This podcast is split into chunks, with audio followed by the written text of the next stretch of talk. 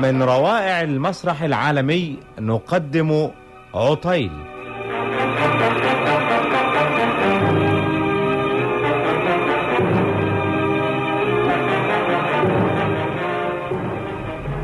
عطيل لويليام شكسبير عن النص الكامل ترجمة محمد فتحي إعداد وإخراج كامل يوسف.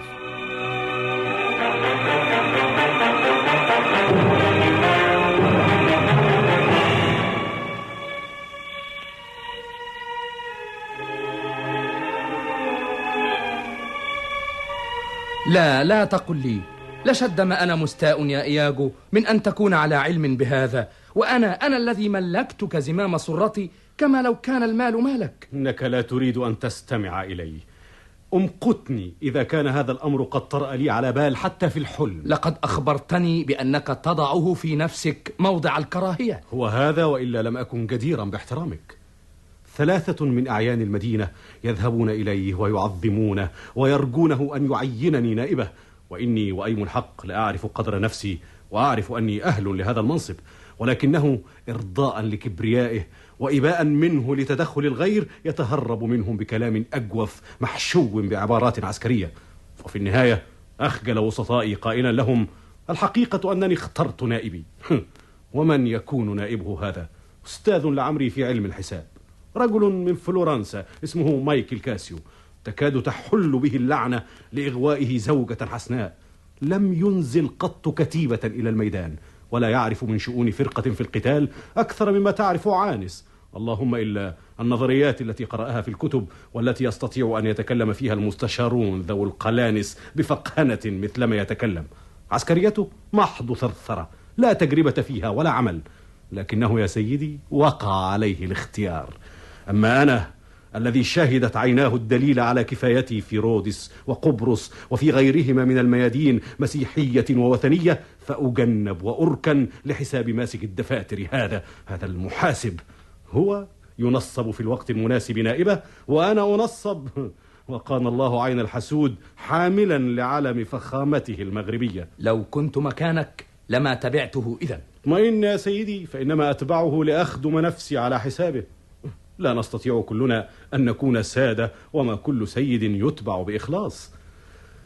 وثق بأنه إذا نم تصرفي الظاهر عن حقيقة ما يكنه قلبي وكشف للعيان عن نواياي فلسوف أضع قلبي على كمي آنئذ للغربان تنقر فيه. كلا ليس مظهري هو حقيقة مخبري. أي باب من أبواب السماء انفتح لغليظ شفاه حتى يفوز بها على هذه الصورة؟ نادي أباها. نبهه من غفلته. ثم عليك بهذا الأسود. سمم هناءه. شهر به في الشوارع. وهذا النعيم المقيم الذي يستغرق فيه. سلط عليه نقبة الذباب. أحطه بالمضايقات التي تسلب البهجة رواءها. هذه دار أبيها. سأنادي عليه بأعلى صوت. افعل. وليجلجل صوتك كالمذعور. يصرخ صرخة الهول والرعب عندما يكشف أمر حريق وسط غفلة الليل في المدن الآهلة. يا خلق! يا خلق هو برافانشيو سينيور برافانشيو هو قم يا نائم هو برافانشيو اللصوص اللصوص اللصوص اصحى لدارك ابنتك وحقائبك اللصوص اللصوص ما سبب هذه الجلبة وهذا النداء المرعب؟ ها؟ ما هناك يا هذا؟ سينيور أكل أسرتك بالدار؟ أكل أبوابك مغلقة؟ لماذا؟ لما هذا السؤال؟ ويلاه لقد سلبوك يا سيدي يا للعار ارتدي ثيابك إن قلبك قد تمزق ونصف روحك راحت الآن في هذه اللحظة بالذات يعاشر كبش أسود هرم نعجتك البيضاء انهض انهض انهض واقرع الأجراس وأيقظ المواطنين من شخيرهم وإلا جعل منك الشيطان جدا أقول لك أنهض. يا الله أفقدت صوابك. سيد الموقر أتعرف صوتي؟ لا من تكون؟ اسمي رودريجو. ساء يومك. ألم أطلب إليك ألا تحوم حول ذلك؟ لقد سمعتني أقول لك بوضوح وصراحة إن ابنتي ليست لك. ومع ذلك تجيب الآن في هذا الهوس مكتظا بعشائك. وما تناولت من مسكرات. متعمدا في قحة إغلاق راحتي. سيدي سيدي سيدي. لكن ثق تماما بأنه لا تنقصني الشجاعة ولا علو المركز لأجعلك تدفع الثمن غاليا رويدك يا سيدي المبجل عن أي سبب تتحدث؟ إننا في مدينة البندقية وليست دار دوارا. أي سيد الموقر رابانشو؟ إنني أجيئك بقلب سليم ونية خالصة. إيه رويدك يا سيدي. إنك والله لواحد من أولئك الذين يكفون عن عبادة الله إذا ما طلب منهم الشيطان ذلك. لأننا سعينا إليك نؤدي لك خدمة ولأنك تظن أننا أوغاد. تدع ابنتك لحصان بربري يضاجعها؟ لسوف يصهل لك أحفادك ويكون لك أبناء عم من الخيل وأقارب من المهارة. أي وقت نجس أنت؟ أنا يا سيدي ذلك الذي يجيئك ليبلغك أن ابنتك والمغربي يشكلان الآن آه، الحيوان ذا الظهرين. إنك نزل أنت عضو شيوخ. لسوف تحاسب على ذلك. إني إني أعرفك يا رودريغو سيدي إني لعلى أتم استعداد للحساب ولكنني أتضرع إليك. إذا كنت قد سمعت وأزنت عن رضا واختيار كما يكاد يبدو لي بأن تخرج كريمتك المصونة في هذا الهزيع الغافل الأخير من الليل مع نذل أجير بدل الحرس اللائق بمقامها. إيه؟ مجرد جندولي يأخذها إلى أحضان مغربي بهيمي غليظ. إذا كان هذا معلوما لديك وسمحت به فإننا نكون قد أسأنا إليك إساءة كبيرة لا تغتفر. أما إذا كنت لا تعلم من هذا الأمر شيئا فمن الإنصاف أن أقول إنك ظلمتنا بلومك وتعنيفك ولا تظنن أنني أبيح لنفسي الخروج على أداب اللياقة فأتطاول على مقامكم الجليل. إنني أكرر القول بأن ابنتك ما لم تكن سمحت لها تمردت تمردا فاحشا بربط واجبها وجمالها وذكائها وسعودها بأجنبي شريد أفاق لا مقر له. تحقق من الأمر على الفور. فإذا كانت في مخدعها أو في بيتك فسلط علي رجال العدالة لخداع إياك. أوقدوا المشاعل أوه! آتوني بشمعة. أيقظوا أهل بيتي جميعا. إن هذا الحادث لا يختلف عن الرؤيا التي رأيتها والتي أضناني يقيني بها. النور! أقول النور! وداعا فلا مناص من أن أذهب. فليس مما يليق بي أو يسلم له مركزي أن أدعى للشهادة ضد المغربي ولا مفر من ذلك إذا بقيت. فأنا أعلم أن الدولة لا تستطيع الاستغناء عنه مع سلامة العاقبة. وذلك مهما يتعرض له من لوم بسبب هذا الحادث. فالمقرر أن يبحر لأسباب قوية إلى قبرص التي اندلعت فيها نيران الحرب فسلامة الوطن تقتضي أن تعهد إليه قيادة الحملة. فضلا عن أنه لا يوجد أحد في مثل وزنه وكفايته. ولهذا ورغم كرهي له كره عذاب الجحيم تدفعني ضرورات العيش إلى أن أظهر له ولائي ومحبتي مجرد مظهر ليس غير. مقر المغربي السجيتاري فقد حملة البحث إليه وستجدوني معه الوداع. هاتوا مزيدا من الشموع؟ أيقظوا جميع أهلي تزودوا بالسلاح. أوه! انظروا ضباط الليل. يذهب بعضكم من طريق والبعض من طريق آخر.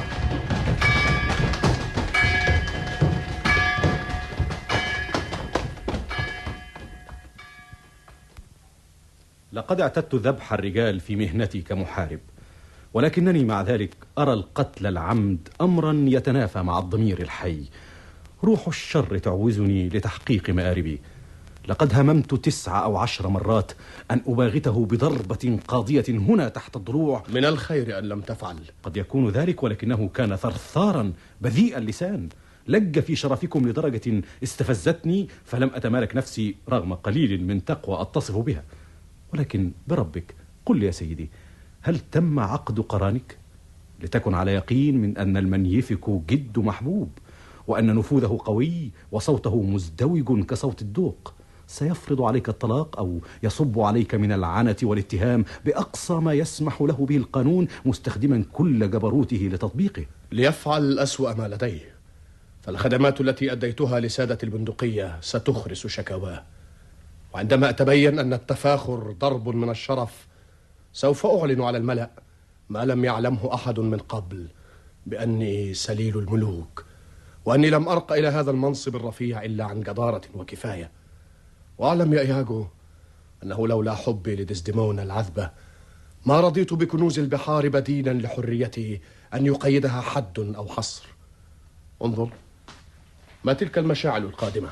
أولئك هم الأب المهتاج وصحبه آه، من الخير أن تدخل. كلا لست أنا الذي أختبئ. سأبرز لهم في الضوء وفي خلقي ومقامي وطهارة ذيلي خير كفيل لي. أهم القادمون؟ وحق جانوس ذي الوجهين ما أظنهم هم. خدم الدوق وملازمي. طاب ليلكم أيها الأصدقاء. ما وراءكم؟ إن الدوق يحييك أيها القائد ويطلب حضورك على جناح السرعة. بل على التو. أتعرف ما الخبر؟ شيء من قبرص فيما أظن. أمر عاجل. فقد بعث الأسطول الليلة اثني عشر رسولا متلاحقين الواحد منهم إثر الآخر وأوقظ كثير من المستشارين واجتمعوا وهم لدى الدوق في هذه اللحظة. ولقد طلبوك بصفة عاجلة ولما لم يجدوك بمنزلك بعث مجلس الشيوخ بثلاث فرق من الرسل في اتجاهات مختلفة للبحث عنك. من الخير أنك أنت الذي وجدتني. سأقول هنا كلمة في البيت ثم أذهب معك.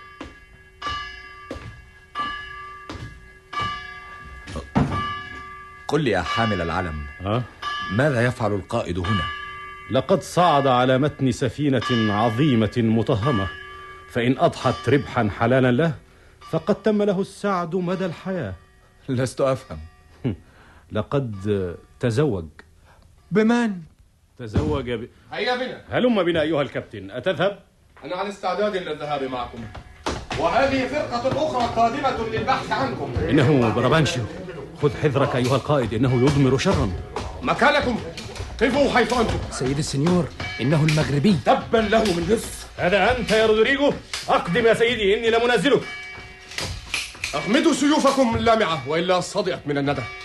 أيها السنيور الطيب ستفرض علينا السمع والطاعة بكبر سنك أكثر مما تفرضها بسلاحك. أيها اللص الزنيم أين ذهبت بابنتي؟ أيها الساحر اللعين لقد سلبتها الإرادة بسحرك الجهنمي. فأي عقل يقول إن عذراء في مثل رقتها وحسنها ونعيمها وعدم ميلها للزواج إلى حد أنها رفضت فتيان بلدنا الأثرياء الأماثل تجلب على نفسها السخرية العامة بأن تفر من ولاية أبيها إلى حضن أسخم مثل حضنك يوحي بالخوف لا المسرة إلا أن تكون مكبلة بقيود من سحر. سأحكم بيننا الدنيا إن لم يكن باديا كالشمس أنك أعملت عليها عملك المنكر وسحرك وأهدرت شبابها الغض بالعقاقير والمعادن التي تخدر الحواس. سأرفع الأمر إلى القضاء. فالأمر بين لا يحتاج إلى تدليل. إني ألقي القبض عليك بتهمة الإثم في حق الدنيا وممارسة فنون محرمة تحرمها الشرائع والقوانين. اقبضوا عليه وإذا أبدى مقاومة أخضعوه بالقوة. كفوا أيديكم جميعا الذين هم في صفي والآخرون. أما أنا بحاجة إلى ملقن يدعوني إذا ما تعين علي القتال؟ إلى أين تريدني أن أذهب لأجيب على اتهامك هذا؟ إلى السجن! وذلك حتى يحين الوقت المناسب الذي يحدده القانون وتدعى أمام الدورة القضائية العادية. وإذا انصعت لأمرك فكيف أرضي الضوق الذي يقف رسله هنا إلى جانبي وقد جاءوا يدعونني إليه في شأن عاجل من شؤون الدولة؟ هذا حق أيها السنيور المبجل. فالدوق في المجلس وأنا واثق من أن شخصكم النبيل مدعو للاجتماع. كيف؟ الدوق في المجلس في هذه الساعة من الليل. خذوه. فما قضيتي هذه بالقضية التافهة؟ ولا يملك الدوق نفسه أو أحد من إخوان الزملاء إلا أن يروا في هذه الإساءة إساءة لهم. ليس في هذه الأنباء توافق يجعلها أهلا للتصديق. بلى إنها لكذلك فرسائلي تقول مئة سفينة وسبع. عندي مئة وأربعون. وأنا مئتان. ولكن لها وإن لم تتفق في دقة الرقم كما يحدث عادة في مثل هذه الأحوال التي تعتمد التقارير فيها على التخمين إلا أنها جميعا تؤيد أن هناك أسطولا تركيا وأنه يتجه نحو قبرص. هذان بربانشيو والمغربي الباسل. يا عطيل الباسل لا بد من أن نستخدمك فورا ضد العدو العام العثماني. آه هذا أنت يا برابانشيو مرحبا بك أيها السيد الفاضل. لقد افتقدنا مشورتك وعونك الليلة. كذلك أنا أستميح رفعتكم العفو. فليس الذي أيقظني من نومي هو حكم مركزي أو ما سمعت من مهام وليس هم الناس الذي يشغلني. إنما الهم الذي يحزنني كالسيل الجاري في غلاب الطبيعة يجرف أمامه الهموم الأخرى ويبتلعها ويبقى مع ذلك صرفا على حاله. ما الذي حدث؟ بنتاه. وبنتاه. ماتت؟ ماتت. أجل. هي لي في حكم الميتة. انتهكت حرمتها سلبت مني. أفسدتها التعاويذ والعقاقير المشتراة من الدجالين المشعوذين. فلأن تخطئ الطبيعة هذا الخطأ الفاحش دون نقص فيها بأن تكون عمياء أو أرجاء في التقدير شيء مستحيل الحدوث بغير فعل السحر. أيا كان الذي ارتكب هذا العمل المنكر فسلب ابنتك إرادتها وسلبها منك سينال جزاءه وسنطبق عليه القانون الصارم بحرفيته القاسية وكما تفسره أنت حتى ولو كان ابننا ذاته. إذن لي أن أوجه لرفعتكم شكري. هاكم الرجل. هذا المغربي الذي يبدو أن دعوتكم الخاصة لشؤون الدولة آتت به إلى هنا. لشد ما نحن آسفون. لذلك. ما ردك على ذلك؟ لا شيء. لا شيء إلا ما يؤيد قولي. أيها السادة الموقرون المبجلون أصحاب السولة والمقدرة. سادتي النبلاء الكرام أما أنني أخذت ابنة هذا الشيخ فهو حق صراح حق إنني تزوجتها. هذه هي كل إساءتي رأسها وجبهتها ومداها وغايتها. خشن أنا في كلامي ومحدود النصيب في لغة السلم الناعمة. فمنذ أن كنت في السابعة حتى اليوم باستثناء نحو سبعة أقمار ضيعت وهذان الساعدان لا يكلان عن العمل الشاق في ميدان الخيام. وما أحسبني أستطيع التكلم في شأن من شؤون هذه الدنيا الكبيرة.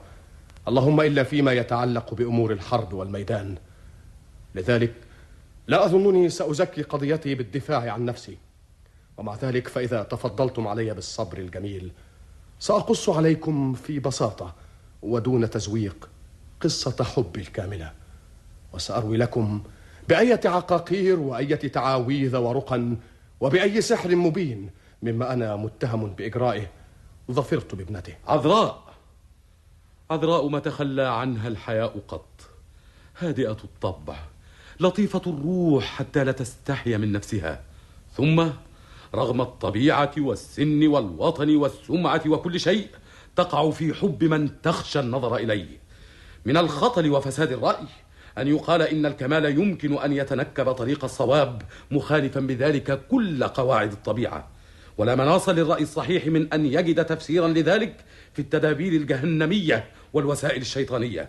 لذلك فإنني أقرر مرة ثانية أنه أعمل عليها عمله بواسطة نوع من المزيج قوي يؤثر على الدم أو أو عقار حضر بالتعاويذ لهذا الغرض. إن تقرير ذلك ليس إثباتا فليقدم ضده الدليل المادي الواضح بدل هذا الرداء الرقيق الذي تلبسه للأمر وهذه الاحتمالات الظاهرية الضئيلة التي لا وزن لها لكن يا عطيل تكلم هل أخضعت هذه العذراء وسممت ميولها الطبيعية باستخدام وسائل عنيفة غير مشروعة؟ أم أن الأمر حدث نتيجة الطلب والتوسل والملاغاة بين روح وروح؟ ألتمس منكم أن تبعثوا إلى الساجيتاري في طلب السيدة. واسمحوا لها بأن تتكلم عني أمام أبيها. وإذا وجدتم في قولها ما يدينني فلا تنزعوا مني ثقتكم والوظيفة التي تعهدون إلي بها. لا تنزعوا ذلك فحسب بل انزعوا مني حياتي ذاتها. أحضروا دزدمونة هنا. خذهم يا حامل العلم فأنت تعرف المكان جيدا. وإلى أن تجيء. سأروي على مسامعكم الكريمة. كيف أصبت التوفيق في حب هذه الحسناء؟ كما أصابت هي في حبي. سأرويه لكم في صدق ودقة. كما لو كنت أكاشف السماء معترفا بذنوبي وخطايا دمي. قل يا عطيل. أحبني أبوها وكثيرا ما دعاني إلى داره. ولكم طالبني المرة بعد المرة أن أقص عليه سيرة حياتي من سنة لسنة. والتجارب التي مرت بي المعارك والحصار ومختلف الحظوظ. وكنت أرويها منذ أيام صباي حتى اللحظة التي طالبني فيها بقصتي. تحدثت فيها عن مغامرات بالغة الخطورة عن حوادث مثيرة في البحر والبر عن النجاة بقدر عرض شعرة من انحصار مخيف بين اللوك القاصمة عن الوقوع أسيرا في يد العدو المتجبر ثم بيعي كرقيق وافتدائي منه وعن سلوكي في سجل أسفاري وتحدثت كذلك في مجرى روايتي عن المغاور الشاسعة والصحارى الموحشة وعن المحاجر والصخور والجبال التي تلامس قممها السماء وعن أكلة لحوم البشر الذين يأكلون بعضهم بعضا وعن المخاليق الذين تنمو رؤوسهم تحت أكتافهم. وكانت ديسديمونا وهي تسمع روايتي هذه ترهف السمع والحواس. غير أن شؤون البيت كثيرا ما كانت تدعوها بعيدا عن مجلسي وعند ذلك كانت تعود بأقصى ما تستطيع من سرعة وبأذن نهمة تلتهم روايتي. ولما لاحظت ذلك انتهزت ساعة مواتية ووجدت الوسيلة الطيبة لأن أكتذب منها رجاء ملحا بأن أقص عليها بالتمام والكمال قصة حياتي. التي استمعت إليها مجزأة دون تركيز وربط. فأجبت رجاءها. ولكم من مرة أسلت دموعها عندما كنت أتكلم عن ضربة من الضربات الفادحة التي كابدها شبابي. وبانتهاء روايته وهبتني جزاء عنائي عالما من التنهدات. وأقسمت في إيمان بأنها كانت عجيبة كانت جد عجيبة. كانت مثيرة للرثاء مثيرة للشفقة مدهشة. وتمنت أن لم تكن سمعتها. ومع ذلك تمنت لو جعلتها السماء مثل هذا الرجل.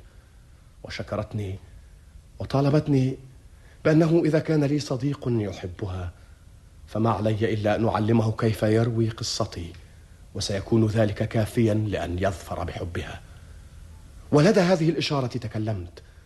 لقد أحبتني للمخاطر التي تعرضت لها وأحببتها لهذا العطف من جانبها ورثائها لمخاطري. هذا فحسب هو السحر الذي استخدمت. ها هي السيدة قد قدمت. سلوها. لا أحسب هذه القصة تظفر بابنتي أيضا. أيها الطيب رابانشو عليك بتسوية هذا الأمر بخير ما تستطيع. فلا أفضل للرجال أن يحاربوا بسلاح مكسور من أن يحاربوا بأيد خالية. أتوسل إليكم أن تسمعوها تتكلم. فإن اعترفت بأنها قاسمته الحب فلينزل الخراب فوق رأسي إن أنحيت على الرجل باللائمة. تعالي تعالي أيتها السيدة الرقيقة. أترين وسط كل هذا الجمع النبيل؟ لمن تدينين بأتم طاعتك؟ أبي النبيل. إنني لأرى هنا واجبا مقسما. فأنا مدينة لك بحياتي وتربيتي وكلتاهما علمتاني كيف أحترمك. إني أدين لك بالطاعة كأبي. آه وما أزال حتى الآن ابنتك. ولكن هنا زوجي. وبقدر ما قدمت لك أمي من ولاء مفضلة إياك على أبيها أحسبني أدين للمغربي سيدي دون أن يكون في ذلك تجنن من جانبي. ها؟ كان الله معك. لا لقد انتهيت. اسمحوا رفعتكم بأن ننتقل إلى مهام الدولة. لخير لي أن أتبنى الولد من أن ألده أقبل أيها المغربي. إني لا أهابك هنا من كل قلبي. ما لو لم تكن تملكه فعلا لسرني أن أمنعه عنك. وبسبب سلوكك أيتها الجوهرة شد ما أنا مسرور أن ليس لي بنات أخريات وإلا لعلمني فرارك الطغيان فأقيد خطوهن حتى لا يتبعن خطاك. لقد انتهيت يا سيدي. إني لا ألتمس منكم في تواضع أن أن تنتقلوا لمهام الدولة. يتجه الترك بتجهيزات جبارة صوب قبرص. إن مناعة المكان معروفة لك جيدا يا عطيل. فبالرغم من أن هناك وكيلا مفوضا معتمد الكفاية إلا أن الرأي العام وهو الذي يملي علينا في مثل هذه الإجراءات يغلب اختيارك. ولذلك لا مناص من أن تدع هذه المهمة الشاقة الشديدة المراس تعكر عليك صفو مباهجك الجديدة. إن العادة المستعبدة أيها الشيوخ الأجلاء تجعلني أرى الصخر الذي أفترشه والصلب الذي أتوسده في الحرب فراشا وثيرا ناعم الريش. وإني لألحظ في نفسي تآلفا طبيعيا سريعا مع المصاعب والشدائد. لذلك آخذ على عاتقي هذه الحروب ضد العثمانيين. واسمحوا لي أن ألتمس من مكارمكم العلية العناية بزوجي عناية تليق بمقامها فتهيئ لها شؤون الإقامة والدخل والحاشية. إذا شئت نزلت بدار أبيها. لست أقبل ذلك. ولا أنا. ولا أنا. فما أحب لأبي أن يكون وجودي أمام عينيه سببا في إثارة نفسه وضيق صدره. ناشدتك أيها الدوق. أن تعيرني سمعك الكريم. علي أجد في مؤازرتك لي عونا على تحقيق أمنية لي تعوزها الكياسة وما أمنيتك يا دزدمونة؟ أما أنني أحببت المغربي لأعيش معه.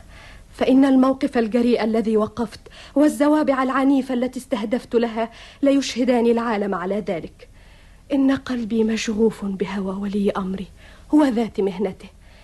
فقد كان هيام بعطيل عن طريق عقله ووقفت روحي وحياتي ومستقبلي على أمجاده وبسالته المأثورة.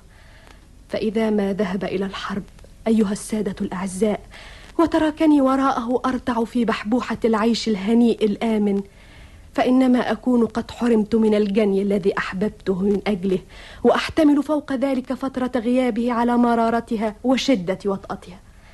اسمحوا لي أن أرافقه. لتحظى منكم بالموافقة. ولتشهد السماء بأني لا أطلب ذلك منكم إرضاء لشهوتي ولا لإشباع تلك الرغبات العارمة رغبات الشباب التي جاوزها العمر ولا لأي هوى آخر من هوى النفس وإنما احتفالا بعقلها وإكراما له. وحاشا للسماء أن يساوركم الظن بأني قد أهمل في حق المهمة الخطيرة التي عهدتم إلي بها بسبب وجودها معي. ليكن لكم الرأي في ذلك. إما البقاء وإما السفر. الأمر يستدعي العجلة ولا بد من المبادرة. لا بد من سفرك الليلة. سمعا وطاعة. سنجتمع هنا مرة ثانية في الساعة التاسعة صباحا. وليتخلف أحد ضباطك يا عطيل ليحمل إليك أوراق الاعتماد والتعليمات وغير ذلك من مخصصات رتبتك ومركزك. إذا تفضلتم رفعتكم تركت حامل علمي وهو رجل ذو أمانة ومحل ثقة. سأكل إليه نقل زوجي مع ما تراه رفعتكم ضروريا ليرسل في إثري. ليكن كما تريد. طاب ليلكم جميعا. وأنت أيها السنيور النبيل إذا كانت الفضيلة جماع الصفات الطيبة بما فيها الجمال الذي يهز النفوس فزوج ابنتك جميل رغم سواد لونه. وداعا أيها المغربي الباسل أوصيك خيرا بديزديمونا أيها المغربي راقبها وافتح عينيك. لقد خدعت أباها وليس بمستبعد أن تخدعك. لن تغير قوة في الوجود من ثقتي في إخلاصها ولحياتي رهن هذا الإخلاص. سأعهد إليك بها أي إياج الأمين وأرجو أن تعنى زوجك بها وعليك أن تأتي بها وتلحقنا بأسرع ما تستطيع. هيا بنا يا تستمونا. ليس أمامي غير ساعة واحدة أقضيها معك للحب وشؤون الدنيا وتدبير أمرنا. وعلينا الامتثال لأمر الزمن. ياجو ماذا ترى أيها القلب النبيل؟ ماذا تراني أستطيع أن أفعل؟ تذهب لفراشك وتنام ملء جفنيك. سأذهب وأغرق نفسي حالا. إذا فعلت ذلك خسرت حبي إلى الأبد. ولم أيها السيد الأحمق؟ الحمق أن تعيش بينما العيش عذاب. ثم ماذا يصف لنا الموت عندما يكون الموت هو الطبيب؟ يا للعار. لقد عشت فوق ظهر هذه الدنيا ثمانية وعشرين عاما ويؤسفني أن أقول إنني منذ استطعت التمييز بين الخير والشر ما رأيت رجلا يعرف كيف يحب نفسه. إني لا أفضل أن أسخط قردا قبل أن تسمعني أقول إني أريد أن أغرق نفسي من أجل دجاجة سودانية وقعت في حبها. وماذا عساي أصنع؟ إنني أقر بأن من العار أن أدلها في الحب إلى هذا الحد ولكن ليس في مقدوري صلاح الأمر. هراء إنما في أنفسنا تكمن القدرة لأن نكون هذا أو ذاك. أجسامنا بساتيننا وإراداتنا بستانيها. فإذا أردنا أن نزرع حشيشة القريص أو نبذر الخس أو نخط حشيشة الزفاء وننقي الزعتر ونزوده بنوع معين من الأعشاب أو نقسمه إلى أحواض من أنواع مختلفة فالسلطة التي تقرر مصير الزرع سواء العقم بسبب الكسل أو الإزهار بسبب التنمية والملاحظة تكمن في إرادتنا. ولو لم تكن كفة العقل في ميزان حياتنا ترجح كفة الشهوة لساقتنا دماؤنا وطبيعتنا الأرضية إلى الهاوية. ولكننا نملك العقل الذي يبرد عواطفنا الثائرة الملتهبة ونزواتنا الحيوانية وشهواتنا الجامحة. وما ذلك الذي تسميه الحب إلا أحد هذه السلالات. كيف يمكن ذلك؟ إنه ليس إلا رغبة من رغبات الدم لا تسيطر عليها الإرادة. هيا ها كن رجلا تغرق نفسك. أغرق قططا وكلابا عمياء. لقد آليت على نفسي أن أكون صديقك وسأظل مرتبطا بك وبكرمك برباط متين لا ينفصم أبدا. ما أظن أني أستطيع أن أعاونك وأخدم قضيتك أفضل من الآن. املأ بالمال كيسك والحق بميدان الحرب وتنكر بلحية مستعارة. أقول املأ بالمال كيسك فليس يمكن أن تستمر ديزديمونا في حبها للمغربي. املأ بالمال كيسك ولا هو يستمر في حبها. إن البداية العنيفة سوف يتبعها انفصال عنيف كذلك ولكن ضع في كيسك مالا ها؟ هؤلاء المغاربة متقلبون في إراداتهم. املأ بالمال كيسك. والطعام الذي يتذوقه الآن حلوا سائغا كثمار الخرنوب سوف ينقلب عما قريب مرا كالعلقم. أما هي فحتم أن تتحول نحو الشباب. فعندما تأخذ حظها من جسمه حتى التخمة سوف تكتشف خطأ اختيارها. حتم أن تتحول حتم! ولذلك ضع في كيسك مالا. وإذا لم يكن من الهلاك بد فلتهلك بطريقة أمتع. دبر ما استطعت من مال لسوف تنعم بها. اللهم إلا أن تكون تلك العفة المصطنعة وذلك العهد الواهي بين بربري أفاق وفتاة متكبرة من البندقية يستعصيان على ذكائي وذكاء شياطين الجحيم أجمعين. دبر المال. تغرق نفسك. تبا لك. لخير لك أن تشنق نفسك في سبيل متعتك من أن تغرق وتذهب دونها. وهل تقف بجانبي وتعمل على تحقيق آمالي إذا أنا اعتمدت على حسن تدبيرك؟ لك أن تثق في. هيا دبر المال. لقد أخبرتك مرارا وها أنا ذا أعيد عليك القول وأكرره بأنني أمقت المغربي. قضيتي مغروسة في القلب وما أظن دوافعك أقل شأنا. لنقف جنبا إلى جنب متحدين في انتقامنا منه. وإذا استطعت أن تجعل منه ديوثا فستظفر أنت باللذة وأظفر أنا بالله إيه إن الليالي بالحادثات الكثيرات حبالى وسوف تنفرج عنها. تحرك. سر. أعد مالك. سنستأنف حديثنا الطويل غدا. وداعا. أين نلتقي غدا؟ في منزلي. سأكون عندك باكرا. هيا هيا. الوداع.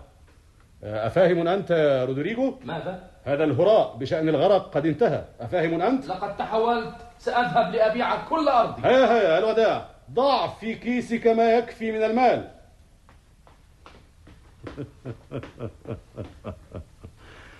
وهكذا أجعل من المغفل دائما كيس نقودي. وإلا إذا كنت أضيع وقتي مع مثل هذا الغر الأحمق دون كسب أو لهو فقد دنست المعرفة والخبرة التي لقيت العناء في تحصيلها. إنني أكره المغربي. الناس يظنون أنه يؤدي دوري بين ملاءات سريري. لست أدري إن كان هذا حقا. ولكنني سأعتبر مجرد المظنة في مثل هذا الأمر حقيقة أكيدة. إنه ينزلني عنده منزلة حسنة. الأمر الذي يهيئ لتدبري فرصة أكبر للنجاح. كاسيو رجل مناسب صالح للغرض. دعني أتدبر لأحصل على مركزه ولأرضي كبريائي في خبث مزدوج. كيف كيف؟ لننظر. آه. بعد فترة من الوقت نلقي في روع عطيل أن كاسيو شديد الألفة مع زوجته وإن في صفاته الشخصية ومسلكه الناعم ما يدعو للاشتباه فيه فهو نموذج لغواة النساء. والمغربي رجل سمح صديق يحسب المنافقين مخلصين ولذلك سوف يقاد من أنفه بيسر كما تقاد الحمير. لقد تم الأمر ووضعت البذرة ولسوف يتعهدها زبانية الجحيم تحت أسطار الليل حتى تخرج رهبته إلى النور.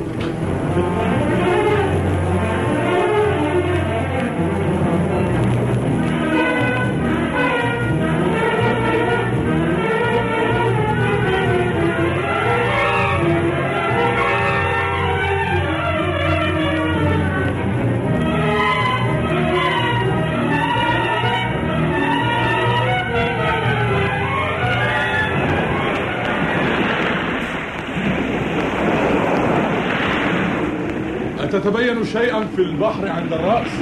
لا شيء البتة. العاصفة قد قلبت البحر لججا عالية لا أستطيع أن أتبين بين السماء والماء شراعا. نرى الريح قد عصفت بالأرض عصفا شديدا مدويا وزلزلت معاقلنا زلزلة لم نعهدها من قبل. أما لو سلطت شياطينها على البحر بهذا العنف فأي ضلوع من البلوط يقوى على التماسك؟ عاشقها ومعشوقها عندما تنصهر فوقها الجبال موجا. ترى ماذا يخبئ القدر لمسامعنا من أحداث. تشتت الأسطول التركي. فما عليك إلا أن تقف على الشاطئ الذي يرغي ويزبد لترى الموج الضارب وهو يكاد يرجم السحب. وترى لجج البحر العارم المخيف وقد أثارتها هوج الرياح. وكأنما تصب الماء فوق الدب المتوهج. وتطفئ حارسي النجم القطبي الذي لا يبرح مكانه قط. ما شهدت قط هياجا للبحر الثائر كهياجه هذا. ما لم يلجأ الأسطول التركي إلى المرفأ داخل الخليج فمحال أن يقوى على مغالبة الزوبعة. أنباء أيها الرفاق انتهت حروبنا. انتهت. العاصفة الهوجاء كانت للترك من الضربات ما شل خططهم شاهدت سفينة نبيلة من سفن البندقية حطام سفن ودمارا في معظم أسطولهم. كيف؟ أصحيح هذا؟ السفينة هنا راسية اسمها فيرونيزا. ونزل إلى الشاطئ مايكل كاسيو ملازم المغربي الباسل عطيل أما المغربي فما يزال في البحر وهو مكلف بالذهاب إلى قبرص هنا كقائد للجزيرة. يسعدني ذلك يسعدني ذلك فهو حاكم قدير. غير أن كاسيو هذا رغم ارتياحه الذي أبداه لخسائر الترك ترى على وجهه طيوفا من الحزن.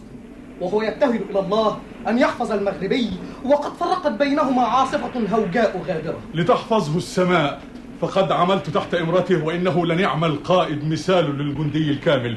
هيا بنا هيا بنا إلى شاطئ البحر لنرى السفينة التي جاءت ونترقب عطيل الباسل.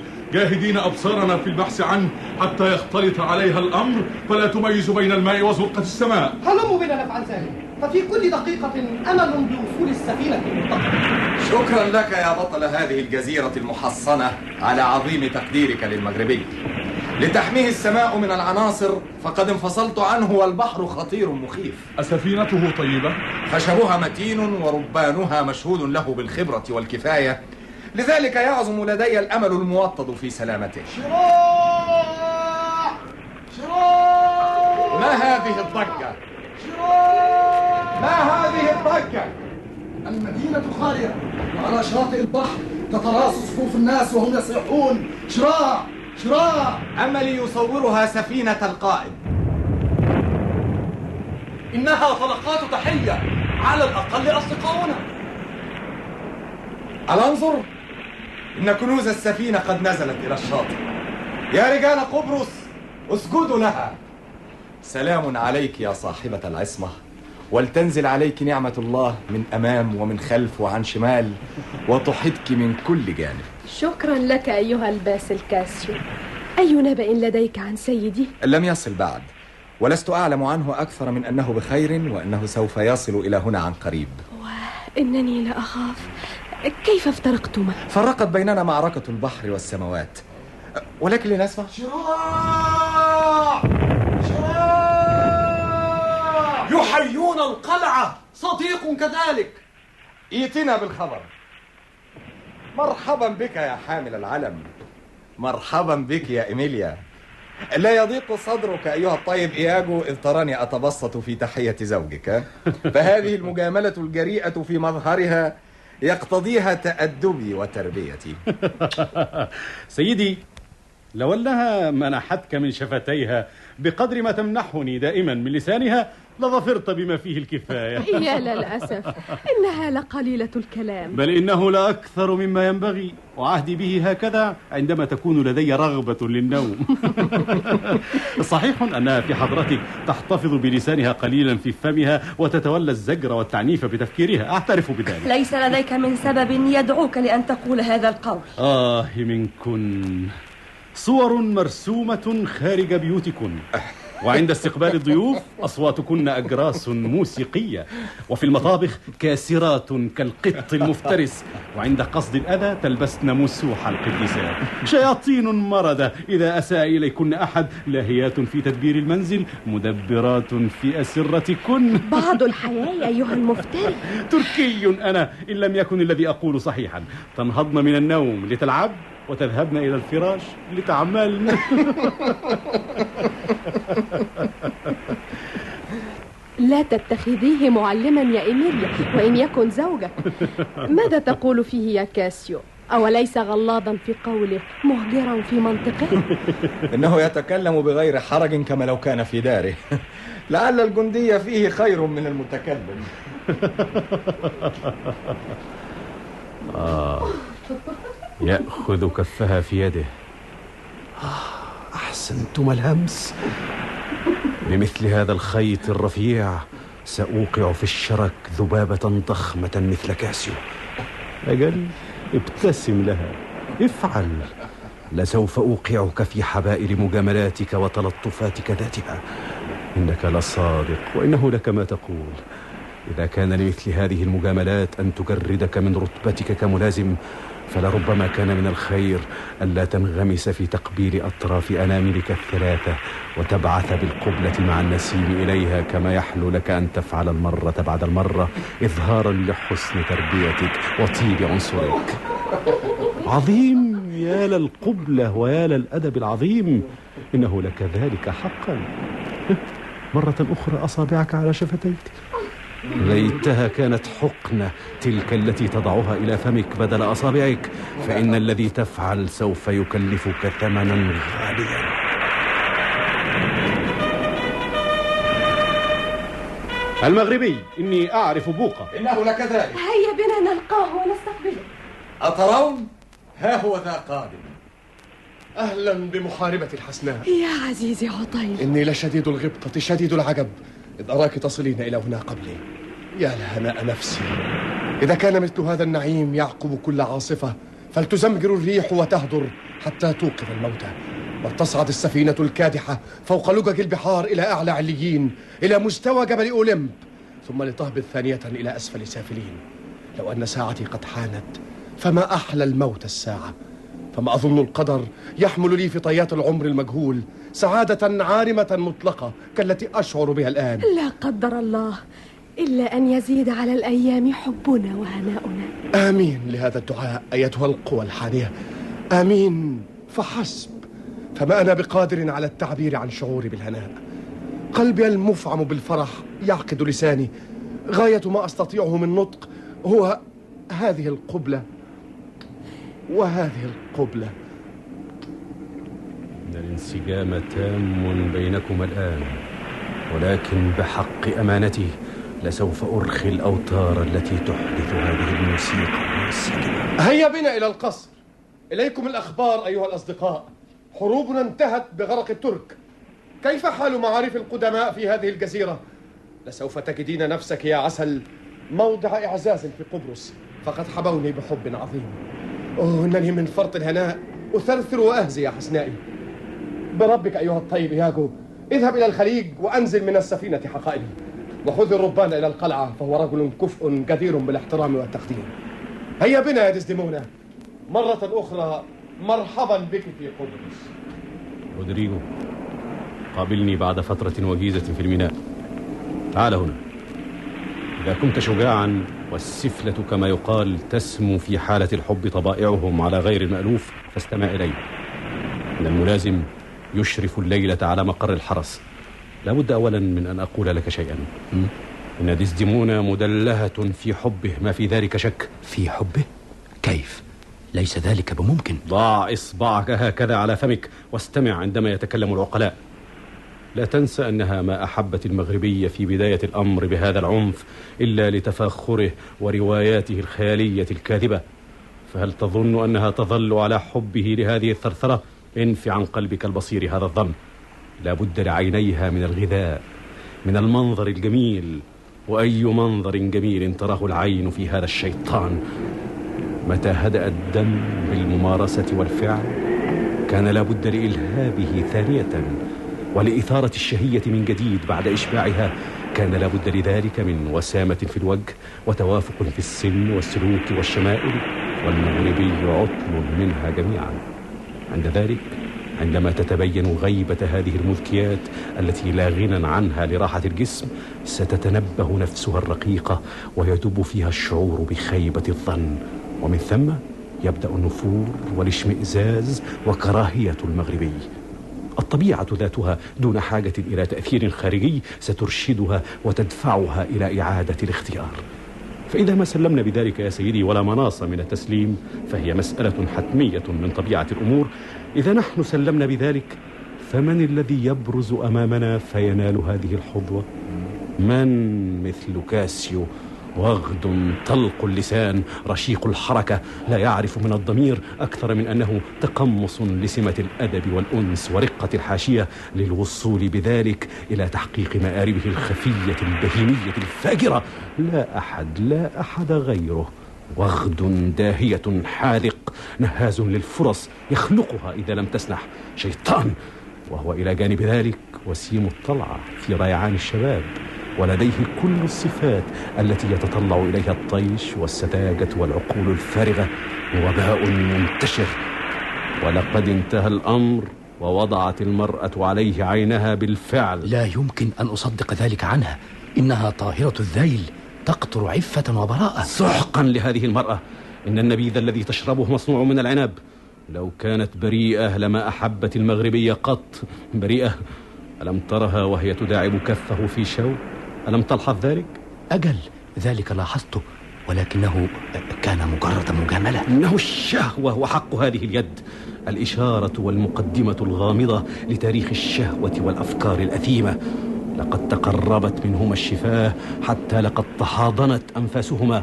أفكار منكرة يا رودريجو. عندما تمهد هذه المبادلات الطريق سرعان ما يتبعها كبيرة الكبائر. الممارسة الرئيسية الفاحشة أف أف ولكن يا سيدي اتبع قولي. لقد أتيت بك من البندقية. اسهر الليلة وتنبه. أما ما عليك أن تفعل فإليك تعليماتي. كاسيو لا يعرفك. لن أكون بعيدا عنك. هيئ سببا لتغضب كاسيو. إما برفع عقيرتك وإما بنقد نظام عسكره أو أي سبب آخر تهيئه لك الظروف وبعد. سيدي إنه سريع الغضب يؤخذ على غرة وربما يعتدي عليك. استفزه أثر ثائرته ليفعل فإن هذا يكفيني لأثير فتنة في قبرص لن يسكتها إلا عزل كاسيو وهكذا سوف تقصر رحلتك إلى مآربك بفضل الوسيلة التي سأراها إذ ذلك لتحقيقها وبإزالة العقبة التي بدونها لن يتيسر لنا أمل في النجاح. سأفعل ذلك إذا استطعت تدبير أي فرصة. تستطيع. قابلني بعد برهة في القلعة. فلا بد أن أحضر له لوازمه من السفينة إلى اللقاء. أستودعك الله. آه. أما أن كاسيو يحبها فأمر لا شك فيه. أما أنها تحبه فمحتمل ومتوقع وسهل التصديق. أما المغربي فرغم أني لا أطيقه إلا أنه وفي في حبه نبيل الطبع وأجرؤ على الظن بأنه سيكون نعم الزوج العزيز لديزديمونا. أما أنا فأحبها كذلك لا بدافع الشهوة المطلقة ولو أني لا أنزه نفسي عن ارتكاب مثل هذا الذنب العظيم وإنما لأني أجد نفسي مساقا لتغذية انتقامي فإني لأرتاب في أن يكون المغربي الشهواني قد استحل حريمي وإن الشك لا ينهش حشاشتي كما يفعل المعدن السام ولن تشفى لي روح أو تهدأ لي نفس حتى آخذ بثأر منه وأتساوى معه زوجة بزوجة. فإذا فشلت في ذلك فلا أقل من أن ألقي بالمغربي في جحيم من الغيرة لا يقوى على شفائه منها عقل. فأما إذا نجح هذا البندقي الحقير الذي ألاحقه وأدفعه دفعا للتعجيل بالعمل إذا نجح في عملية الاستفزاز فسيقع مايكل كاسيو في قبضة يدي وسآكل لحمه عند المغربي. فإني لا أخشى أن يكون كاسيو هو أيضا قد قبع في مخدعي. وسأجعل المغربي يثني علي ويحبني ويكافئني. أن جعلت منه حمارا فوق العادة وتآمرت على طمأنينته وراحة باله حتى ولو انتهى الأمر به للجنون. إن المؤامرة هنا في رأسي ولكن لم تستبن خطوطها بعد. فوجه المؤامرات لا يرى رأي العين حتى تنفذ فينكشف.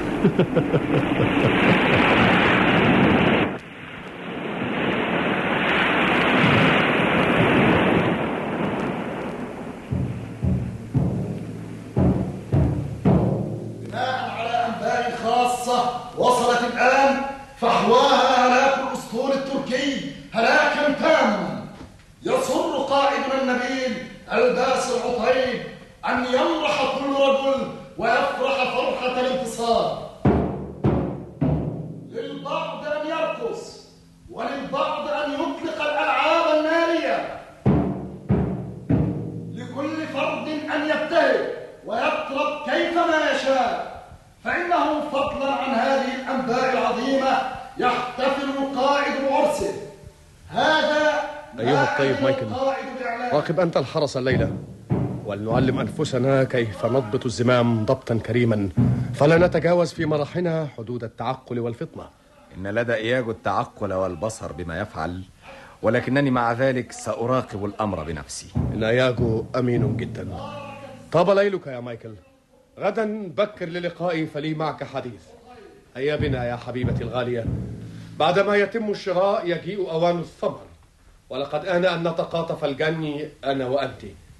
طاب ليلكم. مرحبا بك يا إياجو علينا أن نذهب للمراقبة. إيه ليس الساعة أيها الملازم. إنها لم تبلغ العاشرة بعد. لقد صرفنا هكذا قائدنا مبكرا من أجل حبه لدزدمونة ولا لوم عليه في ذلك. فما سهر معها الليل بعد في طلب الهوى والغزل. وإنها لصيد جدير بالإله جوف سبحان الذي خلق فأبدع.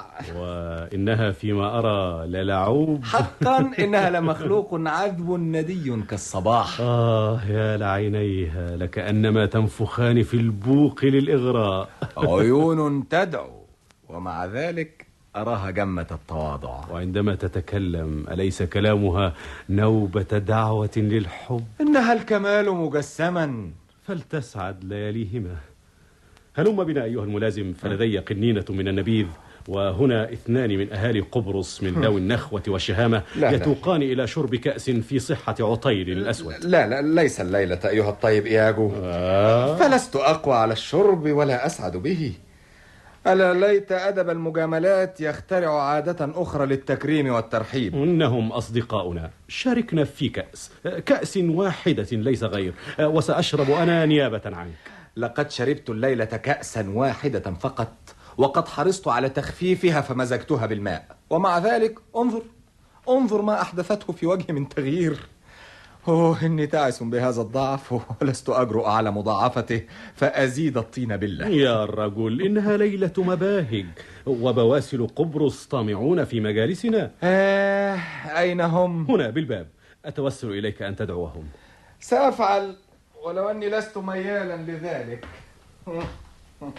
آه لو أمكنني أن أسقيه كأسا واحدة بالإضافة إلى ما قد شربه الليلة لأصبح سهل الإثارة سريع العراك ككلبة الصغيرة. ومن ناحية أخرى فمغفلنا العليل رودريجو الذي سلبه الحب رشاده شرب الليلة الأنخاب كلها في صحة دزدمونة ولم يبق في قرارة الزجاجة شيئا وهو ساهر متهيئ.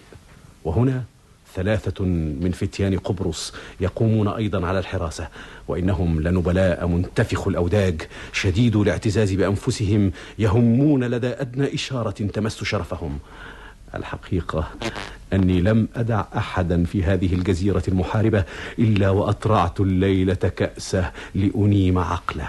حتى العناصر ذاتها هي الأخرى ساهرة. وسط هذا القطيع من السكارى علي أن أدفع بكاسيو إلى فعلة تسيء إلى أهل الجزيرة. آه ها هم قدموا أما إذا صارت الأمور في الطريق الذي رسمه خيالي فسيمضي الزورق إلى الشاطئ المأمول تعاونه الريح ويدفعه التيار. يا سقوني ولما نبدأ الجلسة نخبا إنها لكأس صغيرة. وحق جنديتي ما زادت على الكيل الصغير. قليل من النبيذ. أوه اقرأ الكاس اقرأ اقرأ.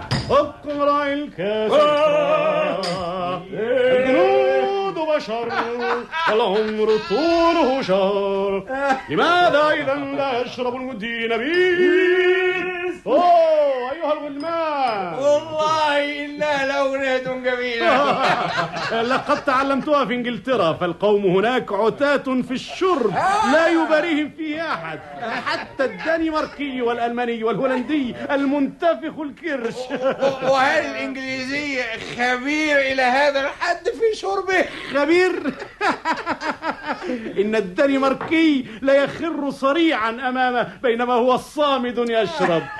ولا يجد مشقة في قهر الألماني. أما الهولندي فقبل أن يمتلئ الوعاء للدورة الثانية يكون قد استقى. في في في صحة قائدنا. أنا معك أيها الملازم ولن أخذلك. الملك ستيفن سيدا عظيم كلفته سراويل خمسة شلنات وهي في نظري لا تساوي أكثر من ستة بنسات فقال للحائك أنت نذل كان سيدا رفيع المنزلة وأنت لست سوى صعلوك إن الكبر هو الذي يخرب البلاد. لتزر بمعطفك القديم. إيه قليل من النبيذ. إنها, إنها لأغنية أجمل من سابقتها أتحب أن تسمعها ثانية؟ كلا كلا كلا فليس أهلا لهذا المكان من يفعل مثل هذه الأشياء. ومع ذلك فالله أكبر. ومن الأرواح ما كتب لها النجاة. ومن الأرواح ما كتب عليها الهلاك. هذا حق أيها الملازم الطيب. وفيما يخصني دون إساءة إلى القائد أو لأي رجل من صاحب المنزلة إني لآمل في النجاة. وأنا أيضا أيها الملازم. و- ولكن إذا أذنت لي ليس قبلي ها؟ ليس قبلي. فللملازم أن ينجو قبل حامل العلم آه، آه، لنكتفي بهذا القدر وننصرف إلى أعمالنا. ليغفر الله لنا ذنوبنا. إلى عملنا أيها السادة لا, لا تظن أني سكران؟ لا تظن أني سكران. أيها السادة كلا كلا كلا. هذا مرؤوسي. مرؤوسي حامل العلم. وهذه هذه يدي الي- اليمنى. وهذه يدي ال- ال- اليمنى. كلا. اليسرى. لست سكران لست سكران؟ الآن أستطيع أن أن أقف جيدا. وأن أتكلم بدرجة جيدة. جيدة جدا. عظيم جدا. إذا إذا لا يجب لا يجب أن تظنوا أنني سكران.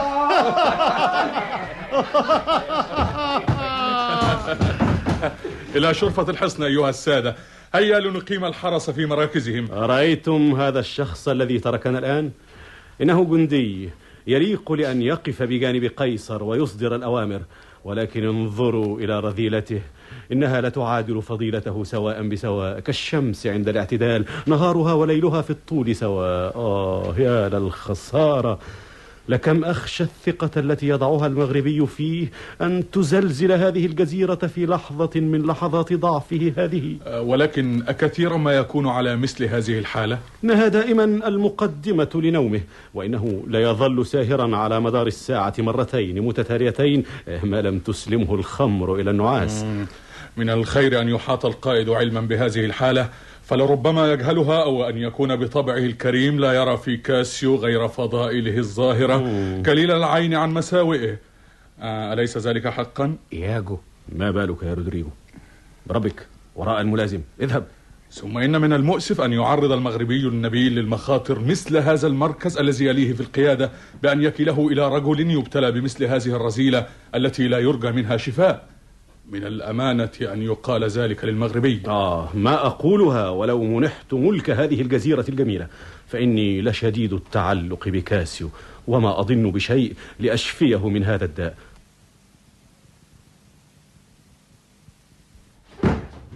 ولكن صهن. إيه ما هذا الضجيج؟ النجدة النجدة النجدة يا واخد أيوه الصعلوك أيوه الواجب إيه إيه ما هذا ما الامر ايها الملازم صعلوك يعلمني واجبي ولكني سأشرحه وأشرطه حتى يصبح كزجاجة النبيذ المغلفة بالقش. تضربني؟ أتجرؤ على الثرثرة أيها أوه مهلا مهلا أيها الملازم الطيب مهلا. دعني. بالله عليك يا سيدي. دعني. كف يدك دعني يا سيدي وإلا ضربتك فوق أم رأسك. هيا هيا إنك سكران. ماذا؟ سكران؟ أنا سكران؟ خذها. رودريجو. انصرف. أقول لك اذهب ونبه بقيام فتنة. إيه مهلا مهلا أيها الملازم الطيب بالله عليكما أيها السيدان. النجدة أوه! أيها الملازم سيدي. مونتانو سيدي. النجدة أيها السادة أيها السادة. إيه يا لها من طريقة بديعة للسهر على الأمن. من الذي يدق الجرس؟ الشيطان. أوه أوه! لسوف تصحو المدينة.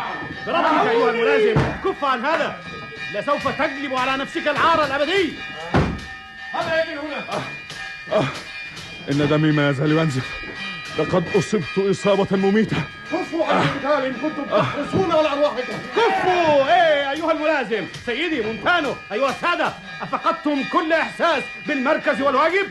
كفوا إن القائد يخاطبكم. كفوا كفوا. عار عليكم. هل انقلبنا تركا؟ فنفعل بأنفسنا ذلك الذي عز على العثمانيين أن يفعلوه بأمر السماء. كفوا عن هذا العراك الهمجي. إن من سيحرك ساكنا لإشباع غضبه إنما يستخف بعمره فسيموت لساعته. أسكتوا هذا الجرس المفزع. إنه لا يلقي في ربوع الجزيرة الروع. ما الأمر يا سادة؟ إياكو أيها المخلص يا من يكاد يرتسم على وجهه الموت من شدة الحزن. تكلم. من ذا الذي بدأ هذا؟ آمرك بحق حبي أن تتكلم. لست أدري. الآن فقط منذ لحظة وجيزة كانوا كلهم احبابا واصحابا متفاهمين غاية التفاهم. على وثاق تام كعروسين ينزعان ثيابهما للنوم وبغده من برهة كأنما كوكب من كواكب النحس سلب لبهم. إذا بالسيوف تنزع وتصوب إلى الصدور في نزاع دام. كيف يمكنني أن أتكلم عن بداية لهذا النزاع الصبياني؟ ليتني فقدت رجلي في عمل مجيد. هاتين اللتين جاءت بي لأشهد جزءا من هذه المعركة. كيف حدث يا مايكل أن تنسى نفسك هكذا؟ أستميحك يا سيدي العفو. فلست أستطيع الكلام. مونتانو أيها الرجل الفاضل لقد كنت دائما مهذبا دمث الخلق. فاتزانك ووقارك رغم الشباب شيء معروف للدنيا.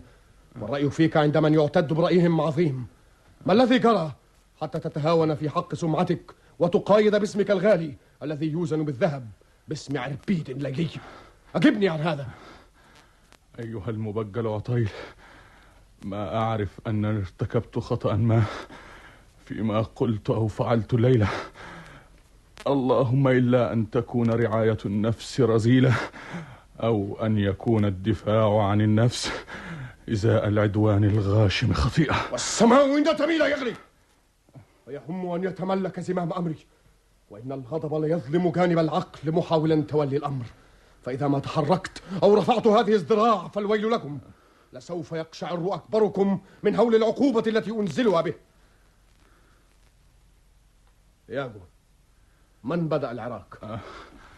ياجو إذا أبديت تحيزا في روايتك لرابطة من روابط العمل أو غيره ولم تقرر الحقيقة. دون زيادة أو نقصان فلست جنديا. لا تحرك كوامن أشجاني. لأهون علي أن يقطع هذا اللسان من فمي من أن يتعين عليه أن يسيء إلى مايكل كاسيو هذه هي القصة أيها القائد. بينما أنا ومونتانو نتحادث. إذا بشخص يدخل علينا صائحا طالبا النجدة وتبعه كاسيو بسيف مسلول ماضي العزم للطعان وعند ذلك يا سيدي تقدم هذا السيد نحو كاسيو ورجاه التمهل. أما أنا فتعقبت الشخص المستنجد خوفا من أن يثير صراخه وهو ما وقع بالفعل الفزع في نفوس أهل المدينة. ولكنه كان أسرع مني عدوا فسبقني وفوت علي قصدي فلم أجد بدا من العودة. لا سيما وقد بلغ مسمعي صليل السيوف وكاسيو يقسم أيمان مغلظة وهو ما لم أعرفه عنه من قبل حتى هذه الليلة. وعندما عدت فقد حدث كل هذا في وقت قصير جدا.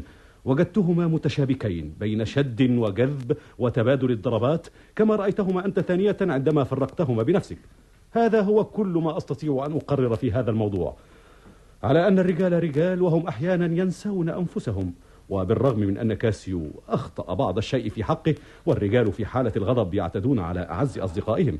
إلا أن كاسيو فيما أعتقد لابد قد تلقى منه إساءة كانت أكبر من أن يسعها صبره واحتماله.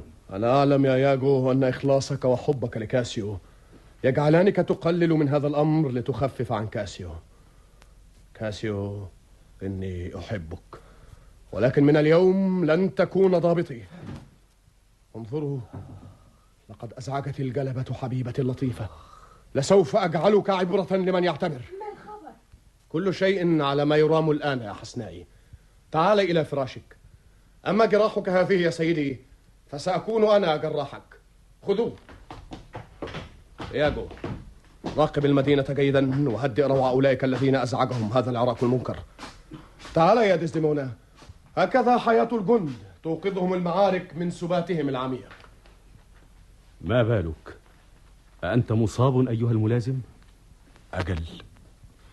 ودون أمل في علاج. لا قدر الله. السمعة.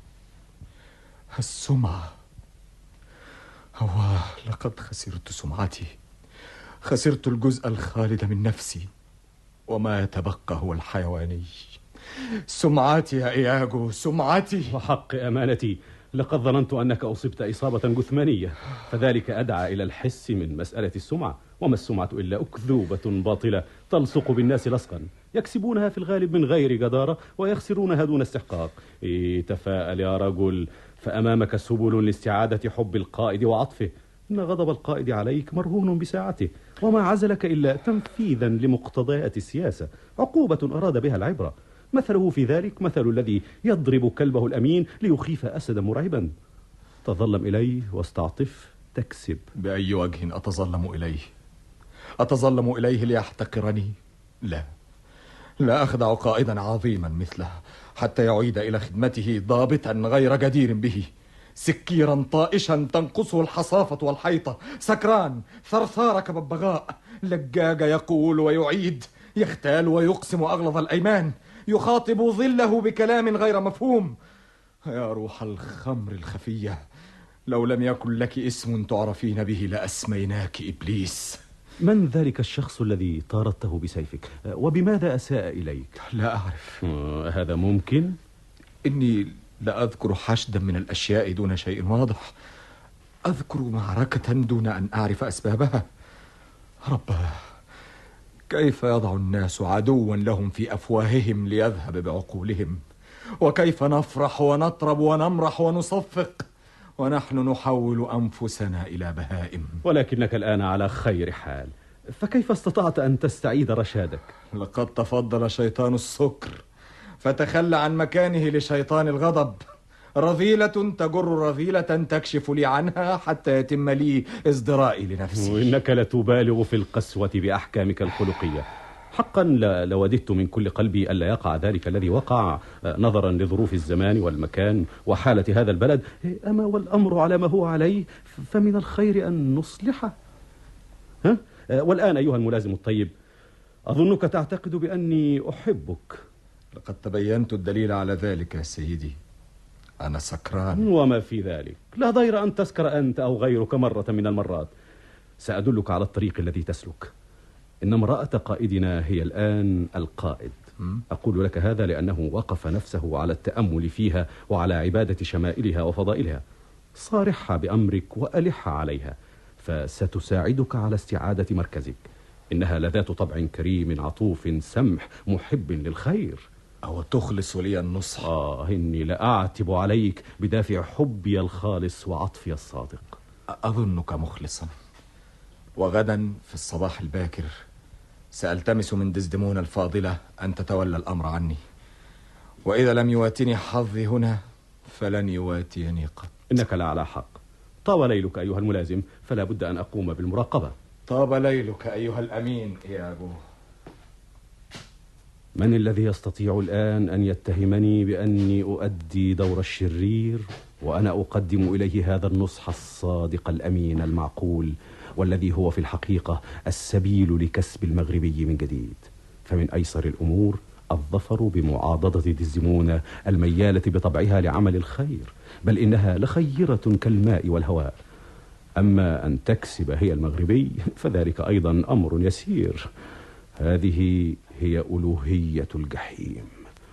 عندما يدفع الشياطين الناس لارتكاب أفظع الآثام يغوونهم في البداية بمظاهر ملائكية مثل الذي أفعله الآن. فعندما يتقدم هذا المغفل الأمين لدزدمونة راجيا ملحا في الرجاء لتصلح له الأمر وعندما تدافع هي بحرارة عن قضيته لدى المغربي أصب أنا في أذنه هذا السم بأنها إنما تطلب إرجاعه لوظيفته إشباعا لشهوات جسدها. وبقدر ما تحاول أن تحقق له الخير بقدر ما تفقد من مكانة لدى المغربي. وهكذا لأحيلن فضيلتها عارا ومن طيبتها لأنسجن الشبكة التي سوف توقعهم جميعا في حبائلها. إيه ما وراءك يا رودريجو؟ إن دوري هنا في المطاردة هو دور الكلب الذي ينبح لا الذي يصيد مالي كاد ينفد وضربت الليلة بالهراوة ضربا موجعا ولقاء أي مقابل. الربح الوحيد الذي يبدو أنني سأظفر في النهاية به هو التجربة التي مررت بها وهكذا صفر لدين وبإثارة من عقل أعود مرة أخرى إلى البندقية. آه ما أفقر أولئك الذين يعوزهم الصبر. أي جرح تم شفاؤه مرة واحدة؟ أنت تعلم أننا نعالج الأمور بالحكمة لا بالسحر وإن الحكمة تتطلب الأناة أولا تسير الأمور سيرا طيبا؟ ضربك كاسيو.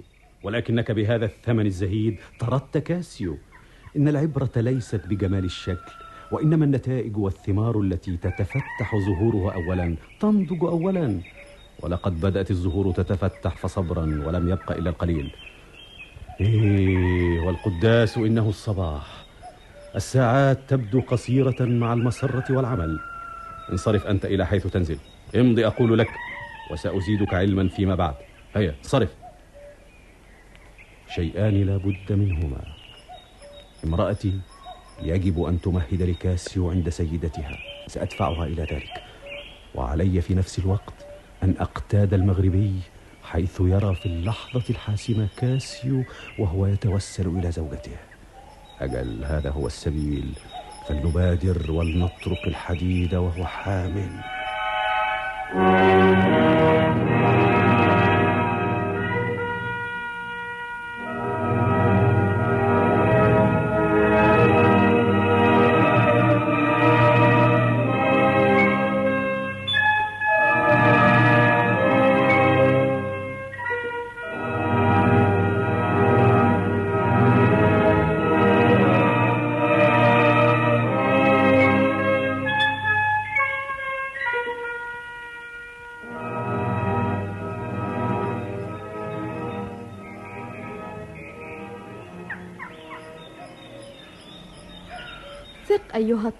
كاسيو بأنني سأبذل كل ما في وسعي من أجل خيرك. ناشدتك أيتها السيدة الكريمة. أنا أعلم أن زوجي حزين كما لو كانت القضية قضيته. آه إنه لشخص أمين. لا يخالك شك يا كاسيو في أنني سأعيد ما كان بينك وبين سيدي من صداقة إلى سابق عهده. أيتها السيدة الكريمة مهما يكن من أمر كاسيو فسيظل لك دائما الخادم الأمين. أعلم ذلك.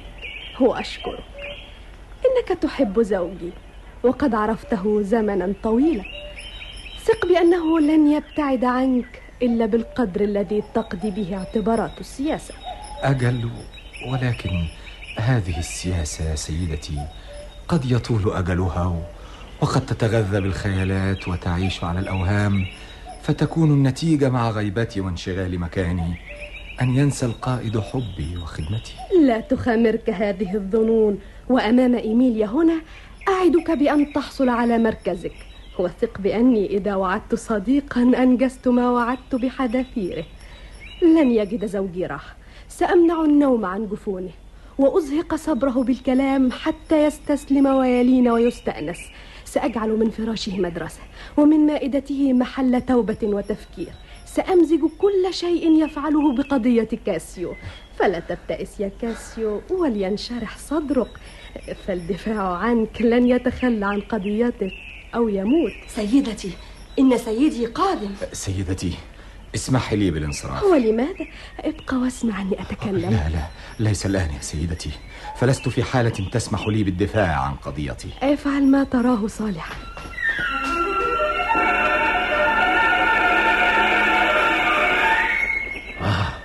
لست أحب هذا. ما الذي تقوله؟ آه لا شيء يا مولاي. أو إذا كان فلست أعرف ما هو. ولم يكن ذلك كاسيو الذي ترك صحبة زوجتي. كاسيو يا مولاي. كلا فما أصدق ذلك؟ أن يتسلل كمن يشعر بالذنب عندما يراك قادما؟ أعتقد أنه هو. ها أنت ذا يا سيدي. أتدري؟ كنت أتحادث هنا مع صاحب قضية يتعذب عذاب السعير لعدم رضاك عنه. ما الذي تعنيه؟ ألا تعرف إنه ملازمك كاسيو.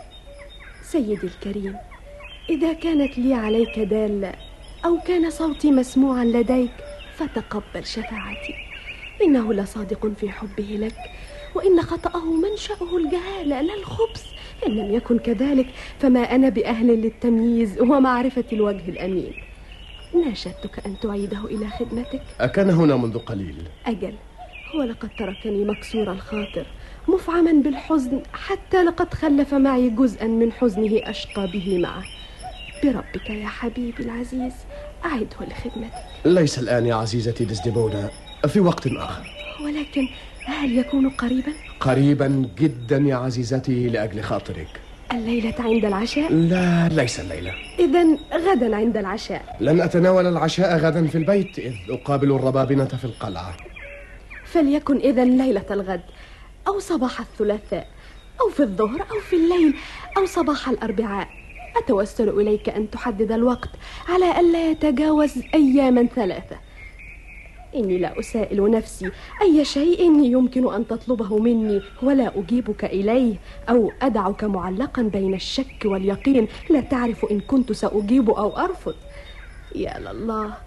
مايكل كاسيو الذي جاء يزكيك وأنت تخطبني والذي طالما ناصرك عندما كنت أوجه نقدا إليك في حديثي أجدني في حاجة إلى هذا الجهد كله لإعادته؟ ثق بأنني لو كنت مكانك. كفى بربك. وليعد متى شاء فلن أرد لك طلبا. لست أرجو منك هبة تهبها وإلا كان لزاما علي أن أتوسل إليك أن ترتدي قفازك أو أتضرع إليك أن تطعم الغداء الطيب أو أن تقي نفسك البرد. كلا عندما يكون لي رجاء أبغي من ورائه اختبار حبك فسيكون شيئا كبير الوزن عظيم الأهمية ليس من اليسير عليك إجابته. دون إشفاق من العواقب. لن أرد لك شيئا فهل لك أن تتركيني قليلا وحدي؟ وهل أرفض لك ذلك؟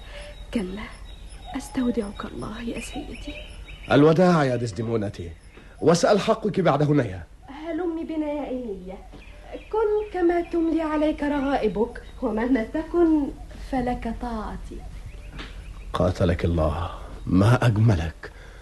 ليستبد الهلاك بروحي. ولكني أحبك وعندما لا أحبك تصري النار في دمي وتحل الفوضى من جديد مولاي النبيل أه؟ ماذا تقول يا إياجو؟ أكان مايكل كاسيو يعلم ما بينك وبين سيدتي وأنت تخطبها؟ نعم كان يعلم من البداية للنهاية آه. ولم السؤال؟ لا لشيء إلا لأرضي هاجسا في نفسي ليس غير وما يكون هذا الهاجس يا إياجو؟ لم أكن أظن أنه يعرفها من قبل. بلى كان يعرفها وكثيرا ما كان الرسول بيننا. حقا. حقا؟ نعم حقا. أو ترى في ذلك شيئا؟ أليس بالرجل الأمين؟ أمين يا مولاي. أمين. أجل أمين. على قدر علمي يا مولاي. ماذا تظن؟ أظن يا مولاي. إنه رب السماء يردد قولي. كأنما ينطوي فكره على خاطر رهيب أبشع من أن يكشف عنه. إنك وأيم الحق تعني شيئا. فلقد سمعتك منذ قليل تقول إنك لا تحب ذلك عندما ترك كاسيو زوجتي. ما الذي لم يرك وعندما قلت إنه كان موضع سري طوال فترة حبي صحت قائلا حقا وقد طبت تجاعيد وجهك مثلما يصر الكيس. كما لو كنت تخفي داخل ذهنك فكرة فظيعة. إذا كنت مخلصا لي فاكشف لي عن خبيئة فكرك. مولاي إنك تعلم أنني مخلص لك. أعلم ذلك. وأعلم أنك مفعم القلب إخلاصا وأمانة وأنك تزن كلماتك قبل أن تنطق بها ولذلك تزيدني وقفاتك هذه خوفا وخشية فهي على لسان وغد مخادع لا يؤبه بها كحيل يمارسها بحكم العادة. أما إذا جاءت على لسان رجل عادل فهي انبعاثات عميقة صادرة من القلب بعيدة عن حكم الهوى. أما مايكل كاسيو فأكاد أقسم بأنه رجل أمين. وأنا أيضا أظن ذلك. آه ينبغي أن يتعادل الناس مخبرا ومظهرا فيبدون على حقيقتهم وليتهم لا يتظاهرون بما ليس فيهم. أجل من ال... من الحق أن يكون الناس في باطنهم كما هم في ظاهرهم. آه إني إذا لأرى كاسيو رجلا أمينا. كلا إنك لتعني أمرا. رجوتك أن تكشف لي عن حقيقة تفكيرك. وعما يدور بخلدك في صراحة تامة دون مواربة في الفكر أو حرك في العبارة. مولاي أعفني. فإني وإن أكن مقيدا بأداء واجبي إلا أنني لست مقيدا فيما يتحرر منه العبيد. أفصح عن خواطري. أفلا يجوز أن تكون نكراء زائفة؟ فأي قصر يبرأ من المنكرات التي تتسلل إليه أحيانا؟ ومن ذا الذي يحمل في جوانبه صدرا نقيا خاليا من شوائب الفكر فلا تجد إليه سبيلا ولا ترابط هناك جنبا لجنب مع الأفكار الطيبة منازعة لها. إنك لتكون متآمرا ضد صديقك يا إياجو إذا صاورك الظن بأنه يساء إليه ثم تحول بين أذنه وهذه الظنون. أخشى أنني رجل ظنان وأعترف بأني مبتلا بطبع يرقب ويتجسس وينقب عن السيئات. وإن الغيرة في نفسي كثيرا ما تجسم عيوبا لا وجود لها. لذلك أتوسل إليك وإلى حكمتك ألا تلقي بالا الآن إلى ما يقوله إنسان لا يرى بعين الحقيقة وإنما يتوهم ويتخيل. ولا تشيد لنفسك من ملحوظته العابرة التي لا ترتكز إلى أساس قصرا من الشقاء. كلا كلا ليس من صالحك ولا من صالح السلام في نفسك. كما أنه ليس من الرجولة أو الأمانة أو الحكمة من جانبي أن أفضي إليك بخواطري. ما الذي تعني؟ حسن السمعة. حسن السمعة في الرجل والمرأة يا مولاي هو درة حياتهم المكنونة. ها؟ الذي يسرق كيس دراهمي. لا يظفر مني بغير التافه الحقير بل بلا شيء. فلقد كان لي وله عبدا لآلاف الأيدي التي تداولت. أما الذي يستلب مني حسن سمعتي فقد سلبني ما لا يغنيه وما يجعلني فقيرا حقا. وحق السماء لأعرفن خواطرك لن لن تستطيع. إن انتزعت قلبي من بين جنبي أو تركته حبيسا في صدري. أه؟ حذار يا مولاي من الغيرة. ذلك الوحش ذي العيون الخضراء الذي يسخر من فريسته. آه سعيد ذلك الديوث الذي تثبت لديه خيانة امرأته ولا يحمل لها في جنباته حبا إذا قارنته بذلك الصب الولهان الذي تنتابه الريب والشكوك ومع ذلك يغالبه العشق العظيم. يا لشقوة نفسه وجحيم لياليه. يا للشقاء. إن الفقر مع راحة البال له عين الغنى. أما ذلك الذي يساور نفسه الهم خشية الفقر لفقير مجرد تجرد الشتاء مهما عظم غناه وترامت ثروته وقى الله نفوس أهلي وعشيرتي شر الغيرة ولما؟ لما هذا؟ أو تظن أني أواصل الليل بالنهار تحت ظل عيشة من الغيرة أرقب القمر المتغير بشكوك وريب متجددة؟ كلا فلئن تطرق إلي الشك مرة فلا بد من أن أضع له حدا على الفور عدني مجرد حيوان جدي. إذا انصرفت بتفكير السليم نحو تلك الترهات والتخريجات التي تذهب إليها. ولن تشعل في صدر الغيرة. إذا ما قلت إن امرأتي حسناء أو أنها تأكل بشهية أو تحب الأنس بالناس أو تتحرر في كلامها أو تحب الطرب والمداعبة أو تحسن الرقص فحيثما توجد الفضيلة تجملها هذه الصفات. ولست أحب أن يتطرق إلى نفسي أدنى وهم أو شك في أنها تنصرف عن حبي بسبب النقص في محاسن الشكلية. فلقد كانت مبصرة عندما اختارتني. كلا يا ياجو سأتبين قبل أن تداخلني الريبة. وعندما تداخلني الريبة سأتثبت. ومتى ثبت الأمر بالدليل؟ فليس أمامي غير سبيل واحد وهو أن أنبذ من فوري إما الحب وإما الغيرة. إني لسعيد بذلك. فالآن سيكون لدي من الأسباب ما يجعلني أبدي في غير ما حرج ما أشعر به نحوك من إخلاص وولاء. وعلى ذلك فبحكم هذا الولاء استمع إلي. لست أتكلم بعد عن إثبات. راقب زوجك. راقبها جيدا مع كاسيو. ولا تجعل أحدا يلحظ أنك غيران أو, أو متهاون فيما يقع حولك. لست أحب أن تكون موضع استغلال لطيبتك وسماحتك. افتح عينيك. إني أعرف نساء بلدنا وأعرف طبائعهن تمام المعرفة. فهن في البندقية يكشفن للسماء عن الألاعيب التي لا يجرؤن عن الكشف عنها لأزواجهن. غاية الخلق عندهن لا أن يتجنبن الإثم بل أن يبقينه سرا. أتقول ذلك؟ لقد خدعت أباها بزواجك منها وعندما ظهر على وجهها الخوف من نظراتك كانت في أعلى درجات الفتون بك. وهذا حق. لماذا إذن؟ إذا كانت قد استطاعت على صغر سنها أن تبدو بمثل هذا المظهر وأن تعمي عين أبيها على قربه منها لقد حسب أنه السحر لكنني وأيم الحق لملوم وأستميحك العفو لفرط حبي لك. إنني لمدين لك أبد الدهر. أرى الغم قد كرب نفسك. أه كلا كلا البتة. إني لأخشى ذلك حقا. كل ما أرجوه هو أن تعتبر ما قيل صادرا عن محبتي لك. لكني أراك تأثرت. نشدتك بالله ألا تحمل كلامي فوق ما يحتمل وألا تذهب به إلى مدى أبعد من الارتياب. لن أفعل. أما إن فعلت يا مولاي فسينجم عن كلامي عواقب وخيمة ما قصد إليها تفكيري. إن كاسيو صديقي المبجل. مولاي أراك تأثرت؟ أه كلا لم لم أتأثر كثيرا. فما أحسب إلا أن أزدمونا أمينة طال بقاؤها كذلك وطال بقاؤك إذ تظن ذلك. ومع ذلك يا لعجبه إذ أرى الطبيعة تحيد عن طريقها المرتاد أجل هذه هي المسألة. واغفر لي صراحتي إذا أنا تساءلت لماذا ترفض عروضا كثيرة من جوها ولونها ومنزلتها مناقضة في ذلك لا طبيعة البشر وحدهم بل طبيعة المخلوقات كلها؟ إن المرء لا يشتم في هذا رائحة تزكم الأنوف رائحة الرغبة الحيوانية وعدم التناسب والشذوذ. ولست هنا أتكلم عنها بصفة خاصة. رغم أني أخشى أن تجد نفسها مدفوعة بصوت العقل تعقد المقارنات بينك وبين أبناء جلدتها مما قد يجعلها تشعر بالندم. السلام عليك. إذا تبينت شيئا جديدا زودني به علما. واجعل زوجتك ترقبها. دعني دعني وحدي يا إياجو مولاي إذن لي. لماذا قد تقراني؟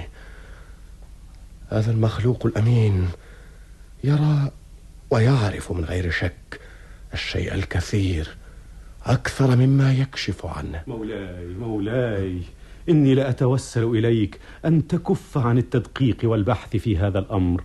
دعه للزمن. قد يكون من المناسب أن يعاد كاسيو إلى مركزه فمن المحقق أنه يشغله بجدارة وكفاية غير أنك إذا تفضلت وأجلت ذلك قليلا فلسوف تتبين مسلكه والوسائل التي يلجأ إليها. ولاحظ إذا كانت زوجك ستلح عليك إلحاحا قويا أو عنيفا لإعادته. ستقرأ في ذلك الشيء الكثير وفي غضون ذلك اعتبرني مسرفا في مخاوفي فلدي من الأسباب ما يجعلني أظن بأنني قد أسرفت بالفعل وبناء على ذلك عدها بربك بريئة. اطمئن فلن أفقد اتزاني. مرة ثانية ألتمس الإذن بالانصراف. إن هذا الشخص لجد أمين وعليم بخصائص البشر وفعالهم وسلوكهم. لو ثبتت لي خيانتها فسأتخلص منها مهما تكن قوة الروابط التي تربطها بقلبي ولتذهب إلى حيث ألقت. ما الذي يصرفها عني؟ ربما لأني أسود اللون لا حظ لي من تلك الصفات الناعمة الملساء التي يتحلى بها المخنثون من الرجال أو لأني قد تقدمت بالسن ومع ذلك فلست بالعجوز الطاعن في السن. لقد دنست شرفي. ومن الواجب علي أن أمقتها. تبا لهذا الزواج الذي يجعلنا نحسب تلك المخلوقات الرقيقة ملكا لنا وهن في الحقيقة ملك لشهواتهن. إني لا أوثر أن أكون ضفدعة تعيش على بخار الجب من أن يكون في من أحب ركن لاستعمال الغير.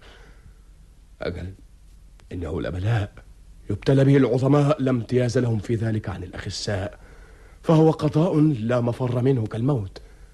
بل إن هذا البلاء المقرن مرسوم على جباهنا منذ ترى عيوننا النور. انظر حيث تقدم. لئن كانت مخادعة فالسماء تسخر من نفسها ومن بديع صنعها. لن أصدق ذلك. يا عزيزي عطيل إن العشاء وضيوفك من أهل الجزيرة الكرام في انتظارك إنني لملوم. إن صوتك لخافت. ألست بخير؟ أشعر بألم في جبيني هنا. سببه المراقبة ولسوف ينصرف. دعني أعصبه لك بهذا المنديل وستشفى الساعة. إن منديلك أصغر من أن يعصب رأسي.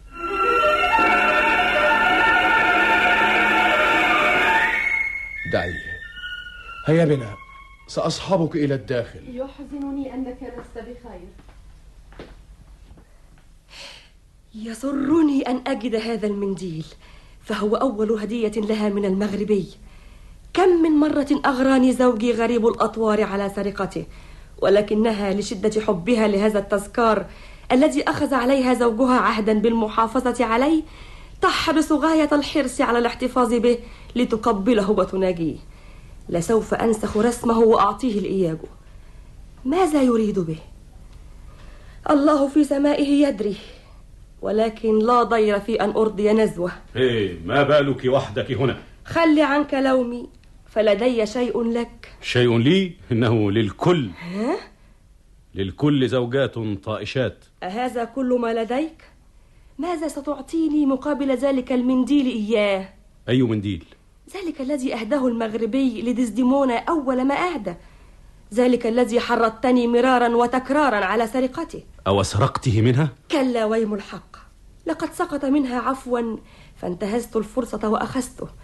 انظر ها هو.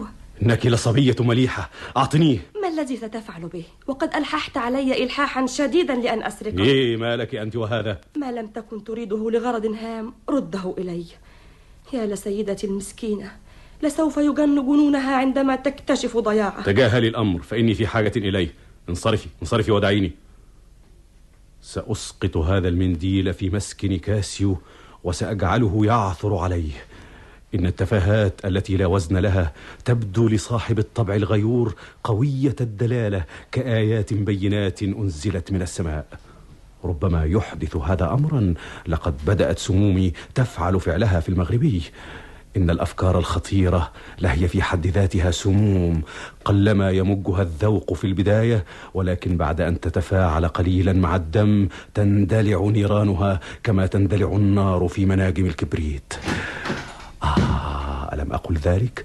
انظر إليه حيث يقدم لا الأفيون ولا اليبروح ولا كل ما في العالم من شراب يسكب النوم في العيون بقادر على أن يعالجك ويرد لعينيك النوم الذي كان لك بالأمس.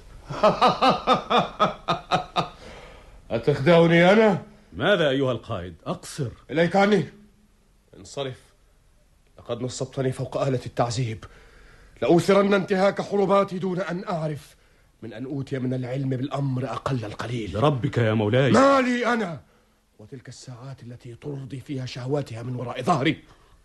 ما رأيتها وما فكرت فيها وما نالني من جراء يضر. نومي بالليل عميق وبالي خلي وصدري منشرح. وعلى شفتيها لم أعثر على قبلات كاسيو. إن الذي يسرقه اللصوص دون أن يفتقد ما سرق منه لم يسرق منه شيء قط طالما لم يصل إلى علمه الأمر. يحزنني أن أسمع ذلك. لو أن المعسكر بأسره جنده ونفره تزوقوا جسمها الشهي من غير أن أعلم ما شابت سعادتي شائبة. هذا ممكن يا مولاي؟ أيها الوغد الأثيم عليك أن تثبت أن من أهوى بغي وإلا فبحق روح الخالدة لخير لك أن تكون قد ولدت كلبا. من أن تواجه غضبي المستثار. أيصل الأمر إلى هذا الحد؟ لا بد أن أرى بعيني أو على الأقل إلي بالبينة ولتكن ناصعة لا يرقى إليها أدنى ريب أو شك وإلا فالويل لك. مولاي النبيل. إذا كنت تفتري عليها وتعذبني فكف عن الصلاة وتخلى عن الضمير وافعل ما بدا لك من منكر تلو منكر وارتكب من الآثام ما تهلع له السماء وما تفغر له الأرض فاها. فأي ذنب مهما كبر لصغير بجانب هذا الذنب العظيم المودي إلى الجحيم. أيتها السماء رحماك وحمايتك. أنت رجل فيه طيبة وعنده عدالة. كان الله في عونك. أقصني عن وظيفتي. يا للأحمق التعس الذي عاش ليرى أمانته تنقلب وبالا عليه. يا للعالم الجحود. اشهدي أيتها الدنيا. اشهدي بأن الأمانة والصراحة لا يرجى من ورائهما أمان. أشكر لك هذا الدرس الذي لن أنساه. ومن اليوم لن يخفق قلبي بحب صديق ما دام الحب يجر على صاحبه مثل هذا البلاء. مهلا أعتقد أن واجبك أن تكون أمينا. واجبي أن أكون عاقلا والأمانة قلة عقل. لعمري إن الشك لا يكتنف جوانب نفسي فإني لأنا امرأتي أمينة ثم أراها لحظة أخرى خائنة. وإني لأراك صادقا ثم أراك باغيا. لا بد لي من بينة.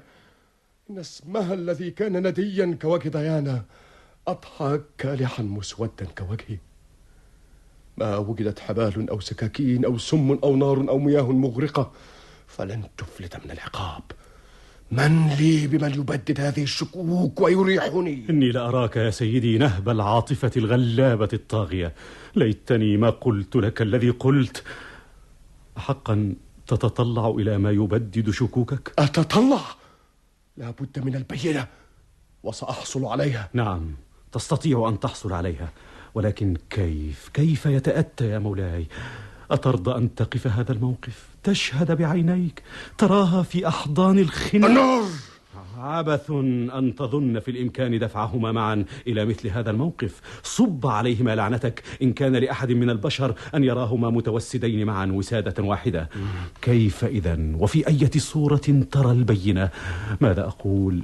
من المستحيل أن تطلع إلى سوآتهما معا. مهما يكن من أمرهما جديان كانوا في غفلتهم أو قرودا في شدة شبقهم أو ذئابا في موسم تجامعهم أو كانوا بلهاء كالجهال لعبت برؤوسهم الخير. على أنني بالرغم من ذلك أقول إنه إذا كان الاتهام المبني على قرائن قوية تؤدي مباشرة إلى مفتاح الحقيقة إذا كان في ذلك مبتغاك فستحصل على ما تريد. أعطني سببا لخيانتها. سببا حيا يرتكز على أساس حيوي. لا مجرد ظن أو تكهن. آه لست أحب هذه الوظيفة ولكن بما أنني قد دخلت في هذه القضية إلى هذا الحد مدفوعا إلى ذلك بأمانة الحمقاء وحبي فسأواصل السير ولن أتراجع. كنت أنام مع كاسيو ذات ليلة غير بعيدة ولكني لم أستطع النوم لوجع في ضرسي الرقني. من الرجال نوع لا يقدر على كتمان أفكاره فتجري على لسانه أثناء نومه. كاسيو واحد من هؤلاء. ولقد سمعته وهو نائم يقول ديسديمونة أيتها الحسناء لنأخذ حذرنا ونخفي حبنا.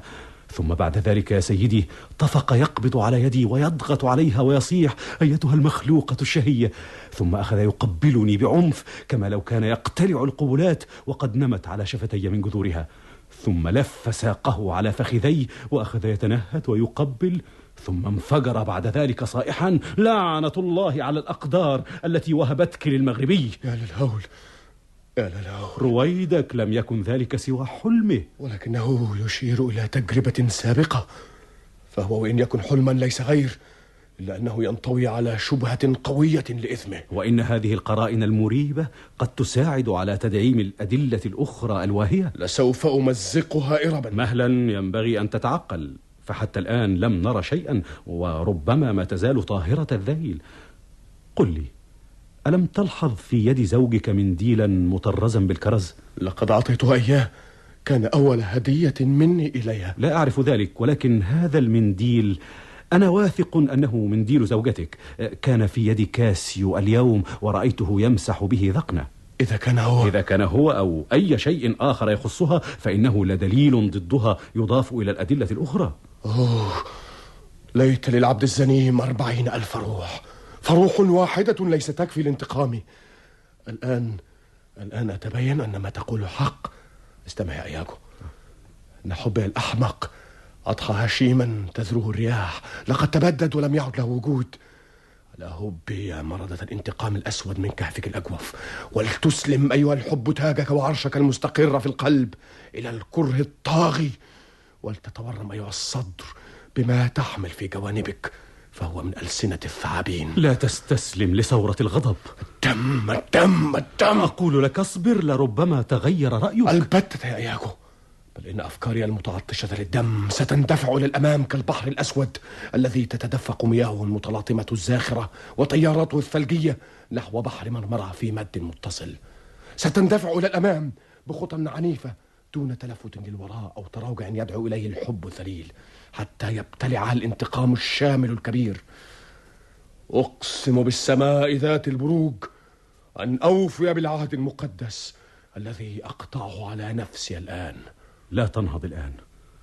اشهدي أيتها الأنوار المتلألئة في الأعالي. وأنت أيها السماوات التي تحيط بنا من كل جانب. اشهدوا بأن إياجو يقطع هنا على نفسه العهد بأن يضع كل قواه العقلية والجثمانية والروحية في خدمة عطيل المجني عليه. فليصدر أوامره وستكون الطاعة عندي بمثابة وخز الضمير للمهام التي يكلفني بها أيا كانت. أحيي فيك محبتك لا بأقوال شكر جوفاء بل بالترحيب وإتاحة الفرصة لك على الفور لتبرهن على صدق نيتك. أريد أن أسمع منك في مدى ثلاثة أيام بأن كاسيو فارق الحياة. لقد مات صديقي لك ما تريد ولكن أبقي عليه تبا لها من خليعة متهتكة عليها اللعنة. هيا بنا. سأنصرف لأجد الوسيلة السريعة للقضاء على الشيطان ذي الوجه الحسن. الآن أنت ملازمي. أنا رهن إشارتك مدى الحياة يمكن أن أفقد ذلك المنديل يا إيميليا لست أعرف يا سيدتي صدقيني إني لأوثر ضياع كيس نقود الذهبية على ضياعي وإنه لو لم يكن سيدي المغربي النبيل سليم الطوية نقيا من الشوائب التي تصيب أصحاب النفوس الغيرانة لكفى ذلك مثيرا لظنونه أليس بالغيور؟ من؟ هو؟ لا أحسب الشمس عند مولده صفت نفسه من أمثال هذه الخلال انظري حيث يقبل. لن أدعاه الآن حتى يقبل كاسيو للقائه. كيف أنت يا سيدي؟ أهلا بذات الحسن والكمال. كيف أنت يا ديزديمونا؟ بخير يا سيدي المحبوب. أعطني يدك. إن يدك رطيبة يا سيدتي. إنها لم تعرف تصاريف السن والهم بعد. إنها تنبئ عن التفتح والسماحة. ساخنة ساخنة ورطيبة. إن يدك هذه في حاجة إلى العزلة في حاجة إلى الصوم والصلاة إلى كثير من الزهد والتعبد. فإني لأرى شيطانا فتيا يهم بالتمرد والغي. إنها ليد طيبة يد سخية في البذل والعطاء. أجل إنك لعلى حق في قولك هذا. فهي اليد التي وهبتك قلبي عن طيب خاطر. يد سخية. إن القلوب فيما مضى كانت ترتبط أولا ثم تعطى الأيدي. أما اليوم فالرباط للأيادي لا القلوب. لست على بينة من هذا الأمر لأتكلم فيه. هو الآن أطالبك بوعدك الذي وعدت. أي وعد يا عصفورتي؟ لقد أرسلت في طلب كاسيو ليتحادث معك. تدمع عيني بفعل برد ثقيل. هلا أعرتني منديلك إليك يا مولاي آه ذاك الذي أعطيتك إياه. ليس معي الآن. ها؟ ليس معك؟ بلى يا مولاي هذا خطأ. هذا المنديل أعطته لأمي ساحرة مصرية كانت تقرأ أفكار الناس وقالت لها إنها ستظل أثيرة لدى أبي مستحوذة على محبته الكاملة لنفسها. طالما احتفظت به. أما إذا فقدته أو وهبته للغير فسينظر إليها بعين المقت وستنطلق روحه بحثا وراء حب جديد. وعند مماتها أعطته لي. وأوصتني أن أعطيه لمن تشاركني حياتي عندما يحل النصيب ولقد فعلت. فتنبهي وأحرصي عليه كحبة عينك فضياعه أو الجود به. مهلكة أي مهلكة؟ أيمكن ذلك؟ هذا حق ففي نسيجه سحر. فإن عرافة عاشت على الأرض زمانا دارت الشمس فيه مئتي دورة. نسجت هذا المنديل أثناء نوبة من النوبات التي كان ينزل فيها الوحي عليها. وإن الديدان التي غزلت القز كانت مقدسة والصبغة التي صبغ بها النسيج كانت مستحضرة من قلوب العذارى التي حنطتها في المومياء. أيدي العباقرة. حقا؟ هذا صحيح؟ حق صراح. فتنبهي جيدا. ألا ليتني ما رأيته وما وقع نظري عليه قط. ها؟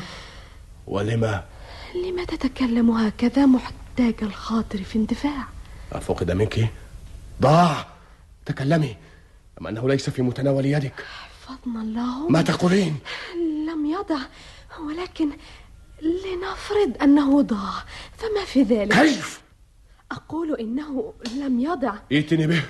أرني إياه. سيكون هذا بالطبع في مقدوري يا سيدي. ولكني لن أفعل الآن. إنها لحيلة تصرفني بها عن ملتمسي. بربك أعد كاسيو لسابق ودك. ائتني بالمنديل. إن ذهني يضطرب. يا لله يا لله.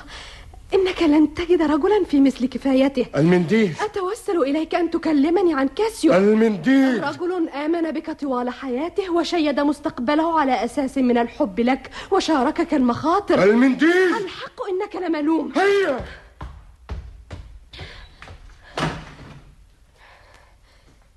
أليس هذا الرجل بالغيور؟ لم أشهده بمثل هذه الحالة من قبل أبدا.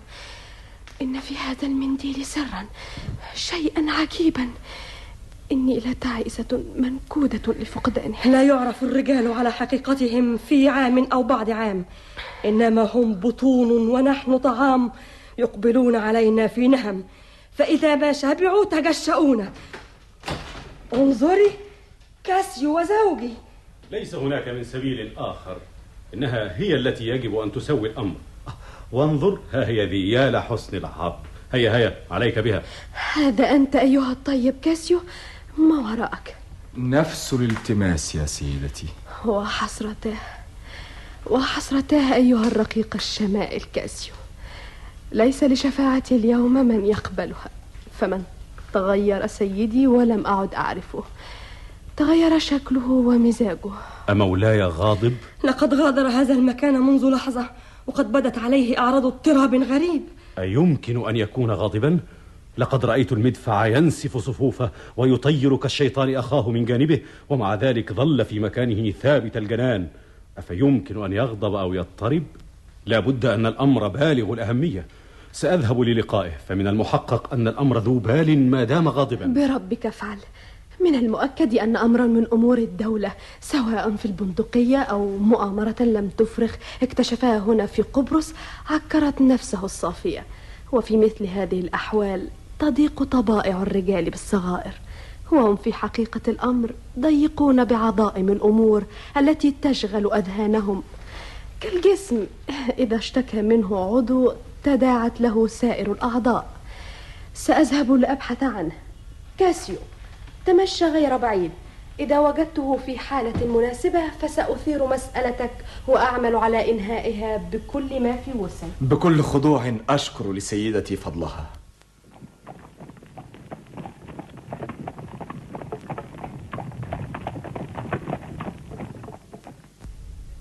سلمت يا صديقي كاسيو. ما الذي جاء بك هنا بعيدا عن بيتك؟ كيف أنت يا حسناء بيانكا الحق يا محبوبتي الحلوة أنني كنت ذاهبا إلى بيتك. وأنا كنت ذاهبة إلى بيتك يا كاسيو. يا لقلبك. تتركني أسبوعا بطوله؟ سبعة أيام ولياليها؟ مئات الساعات؟ وأية ساعات؟ ساعات البعاد بين العاشقين وهي أكثر طولا من الساعات الحقيقية. يا للحساب المضني. سامحيني يا بيانكا. إنني اللحظة مثقل النفس بالهموم ولكني عندما أملك الوقت سوف أعوض هذا الغياب الطويل. بيانكا أيتها الحلوة آه، انقلي لي صورة من هذا الرسم كاسيو من أين لك هذا المنديل؟ إنه تذكار من معشوقة جديدة. الآن أعرف سبب غيابك المر عني أوصل الأمر إلى هذا الحد. عظيم عظيم. اعقلي أيتها المرأة. اقذفي الشيطان بالأفكار السوداء التي وضعها في رأسك. أوه إنك تغارين إذ تحسبين أنه تذكار من معشوقة. كلا ويم الحق يا بيانكا. إذا لمن يكون؟ لست أدري أيتها الحلوة لقد وجدته في حجرتي وإن رسمه لا يعجبني فقبل أن يطلبه صاحبه ومن المحتمل جدا أنه سيفعل سأنقل صورة منه. خذيه وانقليه واتركيني الآن. أتركك؟ إلى أين؟ إنني هنا في انتظار القائد ولست أجد من بواعث إصلاح ما بيننا ولا مما أرغب فيه أن يراني مصحوبا بامرأة. ولماذا يا روح قلبي؟ لا لأنني لا أحبك. بل لإنك لا تحبني. أتوسل إليك أن تصحبني جزءا من الطريق وقل لي إن كنت سأراك عاجلا الليلة. لا أستطيع أن أصحبك بعيدا فأنا هنا في الانتظار ولكني سأراك عن قريب. وهو كذلك. لا بد مما ليس منه بد.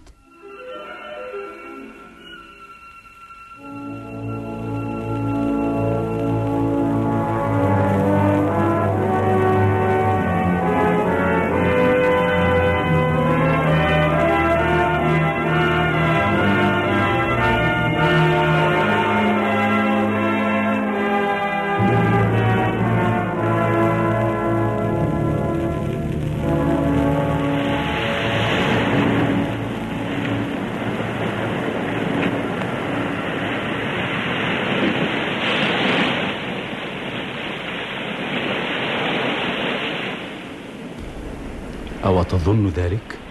أظن ذلك يا ياجو أتعني القبلات المتبادلة في السر؟ قبلات غير مشروعة أو أن تكون عارية مع صديقها في الفراش ساعة أو أكثر دون أن تقصد أي ضرر؟ عارية في الفراش يا ياجو ولا تقصد ضررا إنه لنفاق يخدعون به الشيطان أن يقصدوا وجه الفضيلة وظاهرهم يشير إلى غير ذلك أن يحاول الشيطان غوايتهم ويحاولونهم غواية السماء. فإذا لم يقترفوا إثما فالله غفور رحيم. أما أن أعطي امرأتي منديلا وبعد. وبعد فهو ملك لها يا مولاي وما دام ملكا لها فمن حقها فيما أظن أن تنعم به على أي رجل. إنها مسؤولة عن صيانة عرضها أيضا. فهل تفرط في ذلك؟ إن العرض جوهر لا يرى وأكثر الناس تفريطا فيه هم أكثر الناس تظاهرا بالمحافظة عليه. أما المنديل لوددت حق السماء أن أنساه ولكنك ذكرته تقول إن إنه منديلي لدي. أجل وما في ذلك؟ ليس ذلك الآن بالشيء المقبول. إذا كنت قد قلت إني رأيته يأثم في حقك فما في ذلك؟ أو كنت قد سمعته يثرثر فمثل هؤلاء الأوغاد الذين يقهرون النساء إما بالزلفى وإدمان القرع لأبوابهن وإما لاستسلام النسوة أنفسهن جريا وراء شهوتهن. مثل هؤلاء الأوغاد لا يملكون أنفسهم عن الثرثرة والخوض في أسرارهم. قال شيئا. أجل يا مولاي. ولكن ثق بأنه ليس أكثر مما سوف يقسم الأيمان تنصلا منه. ما الذي قاله؟ الذي فعله. ولست أدري ماذا ماذا؟ فعل. ماذا؟ آه نام. معها. معها فوقها ما تشاء. ينام معها. ينام فوقها تقول ينام فوقها.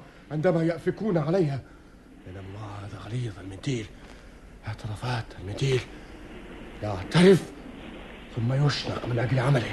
يشنق أولا ثم يعترف بعد ذلك. إني لأرتعد أولا من هذه الثورة التي تغيم نفسي لها دلالتها وليس الذي يهز كياني هكذا مجرد ألفاظ. على الهوى أنوف وآذان وشفاه هذا ممكن؟ أعترف. المنديل آه آه يا للشيطان افعل أفاعيلك يا دوائي واعمل عملك. هكذا السذج البلهاء يقعون في الحبائل صيدا سهلا. كم من سيدة رصينة طاهرة الذيل لا غبار عليها راحت ضحية الغفلة. مولاي مولاي. أوه, أوه مولاي مولاي عطيل. هذا أنت يا كاسيو؟ ما الخبر؟ خر مولاي مغشيا عليه. هذه هي المرة الثانية جاءته النوبة الأولى بالأمس. دلك له صدغي. كلا كلا لا تفعل. فلا بد أن تنتهي الغيبوبة نهايتها الطبيعية وإلا خرج الزبد من فمه ثم انفجر بعد ذلك في جنون وحشي. انظر ها هو يتحرك.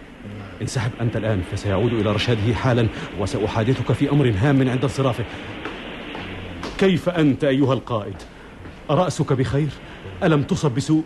تسخر مني؟ أسخر منك لا ورب السماء. ليتك تواجه نصيبك في جلد الرجال. إن الرجل ذا القرنين حيوان وبهيم ما أكثر البهم إذا في المدن الآهلة بالسكان وما أكثر حيوانتها المتحضرين. الاعتراف. بربك يا سيدي كن رجلا. واعلم أنك لست شاذا. فكل المتزوجين في هذا سواء ومن الأحياء ملايين ينامون كل ليلة في فراش يحسبونه حلالا لهم وحدهم وهو حلال للغير أيضا. إنك لأحسن من هؤلاء حالا. يا لحقد الجحيم وسخرية الشيطان أن ينام الرجل مع امرأته واثقا من طهارتها وهي في الحقيقة الأمر خليعة فاجرة. كلا إني لأوثر أن أعرف ومتى عرفت فمصيرها لدي معروف. إنك لأريب فالذي تقول أكيد. انتحي برهة وتذرع بالصبر. عندما غلبك الحزن على أمرك وهي عاطفة لا تليق بمقامك حضر كاسيو. لقد صرفته بعد أن التمست العذر المناسب لتبرير نوبتك وطلبت منه أن يعود بعد قليل ليتكلم معك فوعد بذلك. اتخذ لنفسك مخبأ وراقب حركاته وسكناته ونظراته وما تفصح عنه من ازدراء يتجلى في تقاطيع وجهه. فسأجعله يقص القصة من جديد. أين وكيف وكم من المرات ومنذ متى وفي أي وقت التقى بامرأتك وسيلتقي بها؟ ولتتنبه لتعبيرات وجهه على الخصوص وتذرع بالصبر. وإلا قلت إنك مخلوق من نزق مجرد من الرجولة. اطمئن يا إياه فسأكون داهية في صبري ولكني سأكون سفاكا. أتسمعني؟ ليس في ذلك من بأس ولكن على رسلك أفلا تنسحب؟ الآن سأخاطب كاسيو عن بيانكا وهي امرأة خليعة تبيع الهوى لتبتاع لنفسها الغذاء والكساء وإنها لمتيمة بحب كاسيو. شأنها في ذلك شأن العاهرات المنكودات يوقعن في شراكهن الكثيرين ويقعن في شرك فرد واحد. إنه لا يملك نفسه من الإغراق في الضحك عندما تثار سيرتها. آه ها هو ذا مقبل. عندما يبتسم سيجن جنون عطيل. ولسوف تجعله الغيرة العمياء يفسر ابتسامات كاسيو وتعبيراته وخفته تفسيرا خاطئا كيف أنت الآن أيها الملازم؟ في حال من السوء في حال من السوء؟ نعم رقق قلب ديزديمونا تحقق طلبتك إذا كان في يد بيانكا تحقيق هذا الرجاء فكم كان يقتضيك من وقت؟ يا للشقية انظر لقد طفق يضحك من الآن. ما رأيت امرأة تحب رجلا بهذا الشكل. يا لها من تعسة بائسة إنها فيما أعتقد مدلهة بحبي. له لا يمكن ذلك إنكارا خافتا والمسألة أضحوكة في نظري. أتسمع يا كاسيو؟ لا يلح عليه ليرب القصة. استمر أحسنت أحسنت صنعا. إنها تصرح بأنك سوف تقترن بها. ها؟ أعقدت العزم على ذلك؟ هل تنتصر أيها الروماني؟ هل تنتصر؟ أنا أقترن بها. يا لها من عاملة. بربك أحسن بذكاء الظن ولا تحسبني سقيم الوجدان. كذا كذا كذا كذا. الذين يربحون يضحكون. لقد كانت هنا منذ برهة. إنها تطاردني في كل مكان. منذ أيام كنت على شاطئ البحر أتحدث مع بعض أبناء البندقية وإذا بهذه اللعبة تجيء فتلف يدها حول عنقي. صائحة أوكاسيو عزيزي هكذا تعني إشارتها. وتتعلق بي وتميل وتبكي وتشدني وتجذبني و... الآن يروي كيف ساقته إلى غرفتي. وإنني لأرى أنفك البارز ولكني لست أرى الكلب الذي سوف ألقي إلي به. آه لابد أن أفر منها. يا إلهي انظر لقد أقبلت. آه إنها قطة قطبية أخرى لكنها عاطرة. ماذا تعنين بمطاردتك هذه لي؟ فليطاردك الشيطان وزوجه ماذا تعني أنت بذلك المنديل الذي أعطيتني إياه منذ قليل؟ كنت حمقاء إذ أخذته منك. لابد أن أنقل لك الرسمة يا لها من رواية تلقاه في حجرتك ولا تعرف من الذي تركه هناك. إنه لامرأة خليعة. وتطالبني بأن أنقل لك رسمة؟ خذ أعطيه لعبتك أيا كان مصدره فلست بناقلة لك رسما. ماذا دهاك يا حبيبتي بيانكا ما الذي جرى ما بك؟ يا إلهي لابد أنه منديلي إن شئت أن تجيء الليلة للعشاء فتعال. وإلا فلا تجيء قط. وراءها وراءها. لا مناص من ذلك فيما أعتقد وإلا فضحتنا في الشارع. آه، تتناول عشاءك عندها؟ الأمر لله. إذا ربما ألقاك هناك فبودي أن أتحدث إليك. تعال بربك تعال. اذهب؟ أنت. ستجيء ها؟ آه، ودع لي ذلك الآن. كيف أقتله يا إياغو؟ رأيت كيف كان يقهقه وهو يروي فحشة. الله يا إياغو وهل رأيت المنديل؟ أكان منديل. منديلك على التحقيق. أفرأيت كيف يعز امرأتك الحمقاء؟ تعطيه المنديل فيعطيه لعاهرته. ميتة واحدة سريعة لا تكفي. لكم أتمنى أن أقتل فيه تسع سنوات كاملة.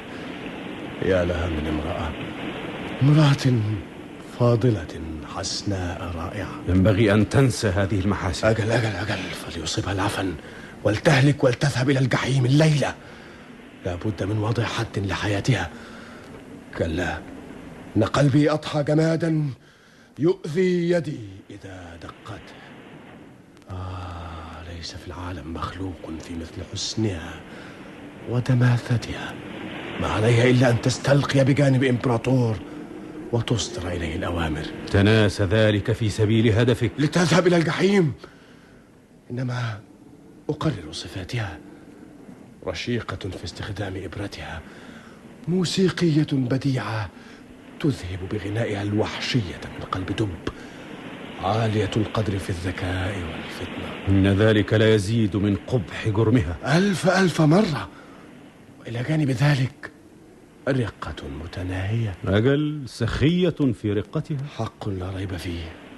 ولكن أية حسرة يا إياغو؟ أية حسرة يا إياغو؟ يا لها من حسرة. ما دمت متسامحا في معصيتها فأجز لها ارتكاب الإساءة. فإذا أنت لم تجد في الأمر مساسا بك فما من أحد يرى فيه ضيرا. سأقطعها إربا. تجعل مني ديوثا. إنه لفحش منها. ومع ضابطي. هذا أفحش. أتني ببعض السم يا إياغو الليلة. لن أناقشها الحساب خوفا من أن يوهن جسمها وجمالها مني العزم مرة أخرى. الليلة يا إياغو. لا. لا تكن أداتك السم. اخنقها في سريرها. نفس السرير الذي دنست. عظيم عظيم. إن عدالة الجزاء مدعاة للسرور عظيم جدا. وفيما يختص بكاسيو دعني أتولى أمره. ستسمع المزيد قبل منتصف الليل.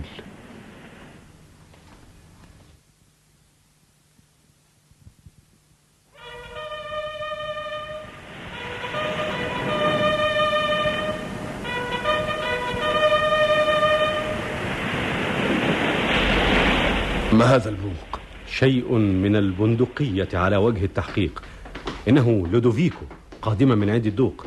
وانظر إن امرأتك معه. حفظك الله أيها القائد المبجل. حفظنا وإياكم أيها السيد. دوق البندقية وشيوخها يبعثون إليك بالتحية. وهذه الرسالة. إني أقبل الأوراق التي تحمل إلي رغائبهم. وما الأنباء يا ابن العم الطيب لودوفيكو؟ إني سعيد برؤياك يا سيدي. مرحبا بك في قبرص. شكرا. كيف حال الملازم كاسيو؟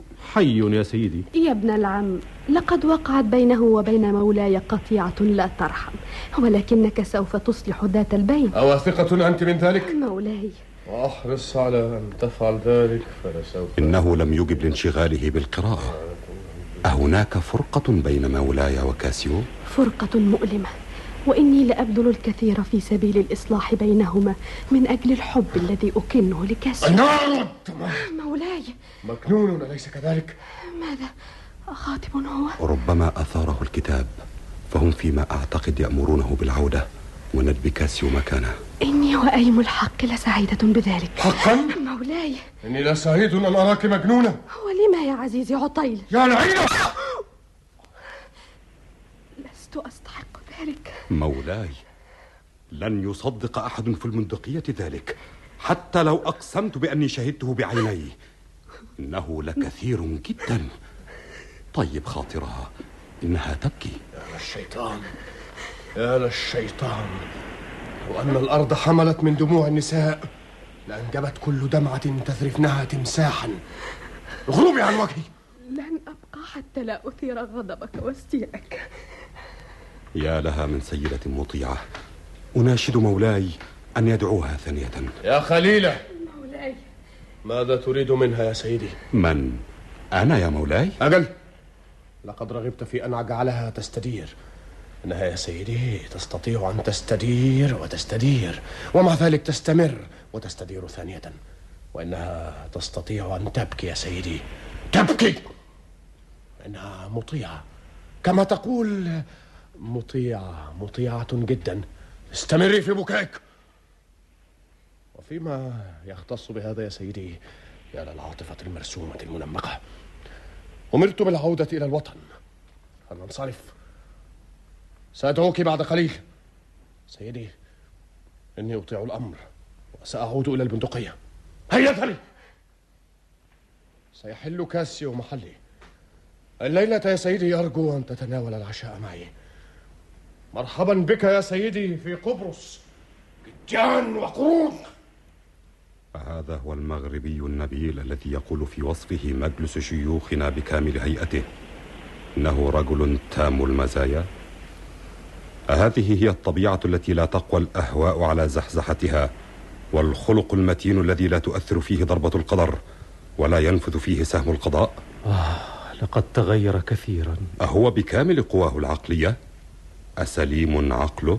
إنه ما هو عليه وليس لي أن أبدي رأيي أما ما كان يمكن أن يكونه إن لم يكن ألا ليته كان. يا للبشاعة. يضرب زوجته؟ الحق إن ذلك لم يكن مقبولا. ومع ذلك ليت الضرب يكون أسوأ ما هنالك. أهذه عادته؟ أم أن الرسالة أهاجت دماءه فوقع في هذا الزلل؟ وحسرته. ليس من الأمانة أن أقول ما رأيت وعرفت. ولسوف تراه وتشهد سلوكه بما يوفر علي قولي. وما عليك إلا أن تلحقه وتشهد كيف تطور حاله. يؤسفني أن قد خاب أملي فيه.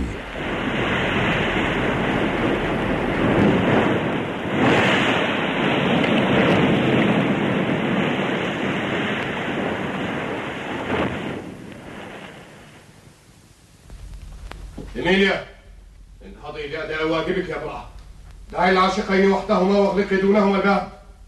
اصعدي أو تنحنحي إن رأيت أحدا قادمك. وظيفتك الخبيثة هيا انصرفي.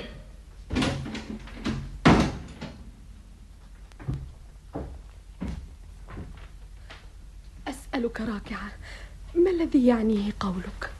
أفهم الغضب في ألفاظك ولكني لا أفهم ما تعنيه. لماذا؟ من أنت؟ زوجك يا مولاي زوجك الوفية الصادقة تعالي. أقسمي لتنزل عليك اللعنة فتخشى الشياطين أن تقبض عليك إذ تراك كملاك من ملائكة السماء. وهكذا تنزل عليك اللعنة مضاعفة لارتكاب الإثم ونكرانه أقسمي بأنك بريئة. السماء في الحقيقة تعرف ذلك. السماء في الحقيقة تعرف أنك زائفة زيف الشياطين. لمن يا مولاي؟ ومع من؟ وكيف أنا زائفة؟ آه ديستيمون إليك عني. إليك عني. إليك عني. يا لليوم المشؤوم. لم تبكي؟ أأنا سبب هذه الدموع يا مولاي؟ لئن كنت تحسب أن لي أبي يدا في استدعائك فلا تلقي علي لومك. إن كنت خسرته فقد خسرته أنا أيضا. لو أنه طلب للسماء أن تختبر قوة احتمالي لوقع المصائب لو أنها صبت فوق رأسي المكشوف جميع صنوف العذاب والهوان ودثرتني بالفاقة وكبلتني ومنتهى آمالي في الأسر لما عدمت في قرارة نفسي قطرة من صبر ولكن يا للشقاوة ويا للهوان عندما تجعل مني هدفا أبديا لسخرية الزمن وهو يصوب إصبعه البطيء المتحرك نحوي. ومع ذلك فربما أستطيع احتمال ذلك أيضا. نعم قد يكون ذلك بمستطاع. أما أن أطرد من مهد آمالي وأحلامي ممن هو بمثابة الحياة أو الموت من النبع الذي يستقي منه عمري ماء الحياة. أطرد منه وأنبذ أو أن أدعه للحشرات الخبيثة ترتع فيه تلوثه وتدنسه وتفجر فيه. أنا يكون لي إذ ذاك إلى الصبر الجميل من سبيل. إنما أنا مقضي علي هنا كأهل الجحيم. أن أكون في اعتبار مولاي النبيل أمينة أي نعم. كذباب الصيف الذي يحمل بمجرد أن يضع بيضه فوق اللحوم ألا أيتها الزهرة البديعة الفاتنة التي ترهق لشدة شذا عطرها الحسن. ليتك ما رأيت النور. وحسرته أي ذنب يا ترى جنيت دون أن أعرف؟ أصنعت هذه الورقة اللطيفة هذا الكتاب الطيب ليكتب عليه بغي! ماذا جنيت ماذا جنيت يا امرأة الكل؟ لو ذكرت فعالك لأحمر الوجه بنار الخجل التي تأتي على الحياء ولا تبقي غير الرماد. ماذا جنيت إن جرمك يزكم أنف السماء ويغض القمر الطرف دونه وحتى الريح الغزلة اللعوب التي تقبل كل ما يصادفها في طريقها تخفي نفسها في باطن الأرض كي لا تسمع عنه. ماذا جنيت أيتها البغي الفجرة والسماء إنك تظلمني. ألست بغيا. كلا بحق مسيحيتي. إذا كان حفظ هذا العرض لمولاي وحده دون الغير ينفي عني تهمة البغي فما أنا ببغي؟ ماذا؟ لست بغيا؟ كلا بحق نجائي. أممكن هذا؟ ألا فلتغفر لنا السماء؟ إذا ألتمس منك الصفح لقد حسبتك بغي البندقية الداهية التي تزوجها عطيل أنت يا امرأة يا من تقومين بالعمل المقابل للقديس بطرس وتحرسين باب النار. أنت أنت. نعم أنت. لقد أنجزنا عملنا. إليك لقاء أتعابك. أرجو أن تغلقي الباب وتكتمي السر.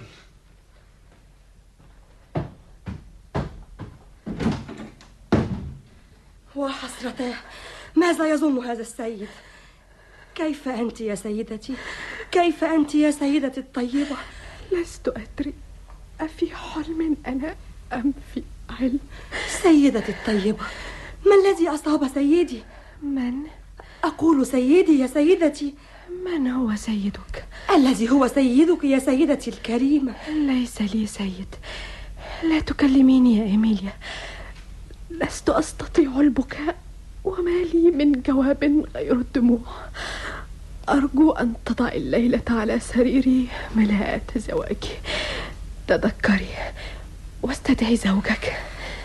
سبحان مغير الأحوال. يليق به أن يعاملني هذه المعاملة.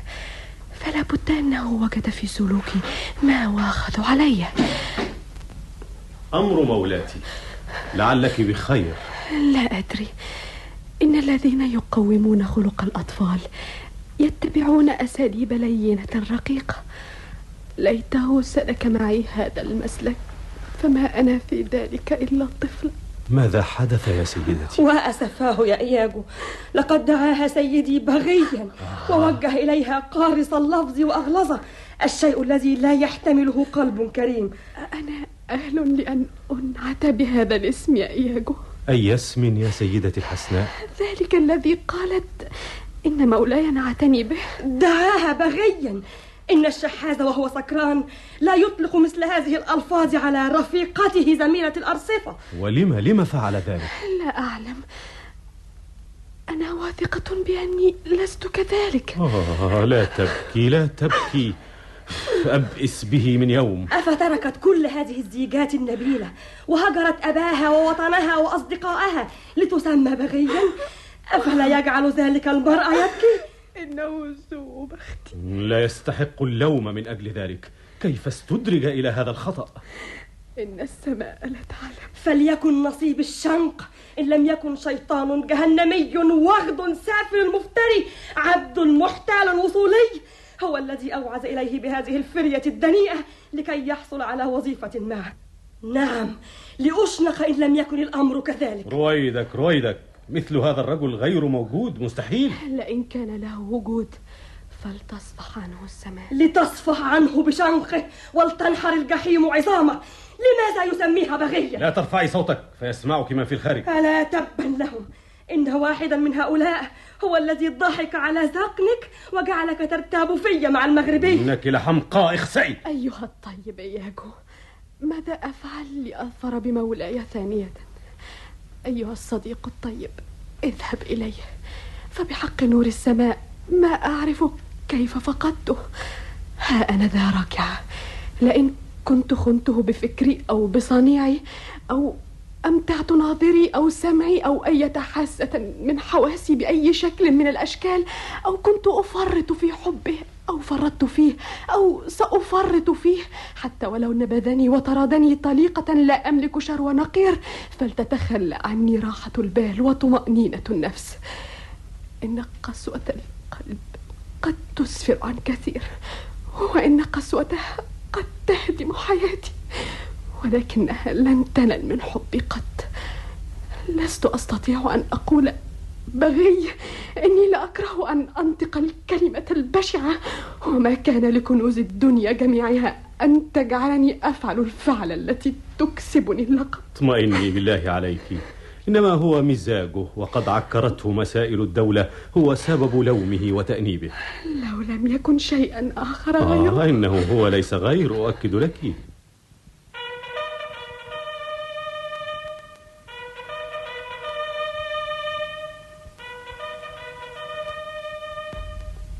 أنصتي هذه الآلات تدعو للعشاء. رسل البندقية ينتظرون العشاء. ادخلي ادخلي ولا تبكي. سوف تصلح الأمور جميعا.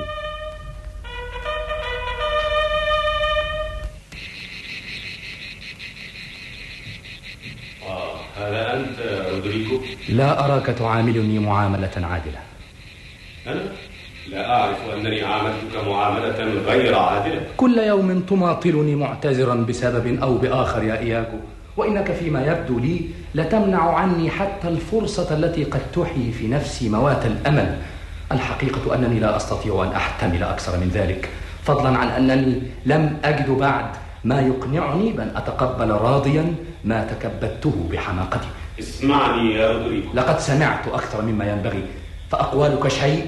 وفعالك شيء آخر. إنك تظلمني ظلما فادحا باتهامي أنا لا أظلمك بغير وجه حق.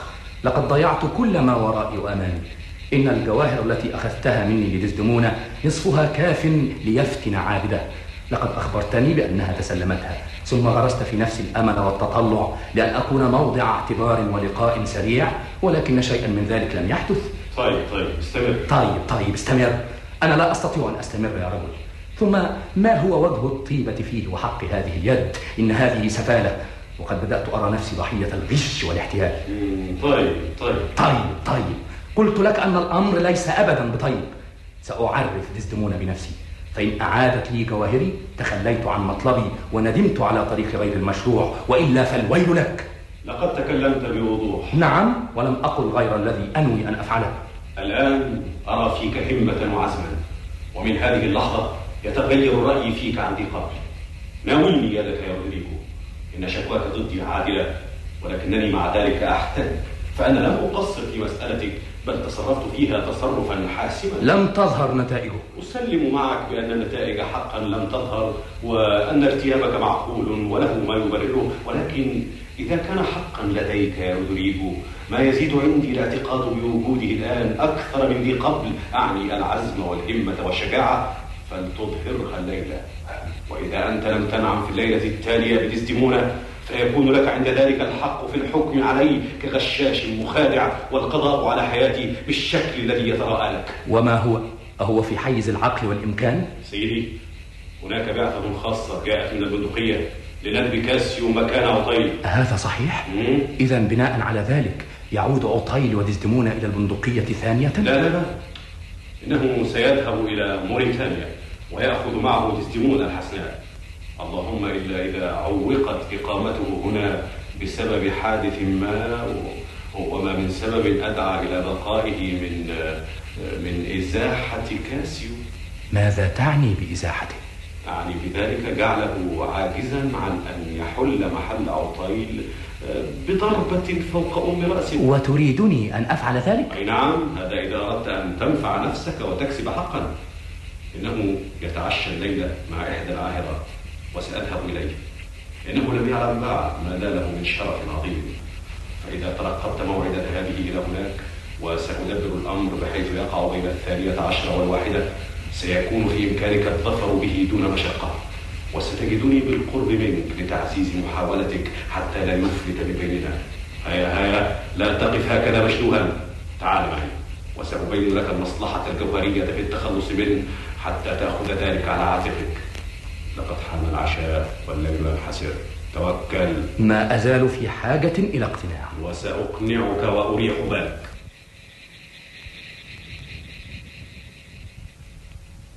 أتوسل إليك يا سيدي لا تكلف نفسك مشقة أخرى. أستميحك العفو ولكن المشي محبب إلي. سيدتي طاب ليلك.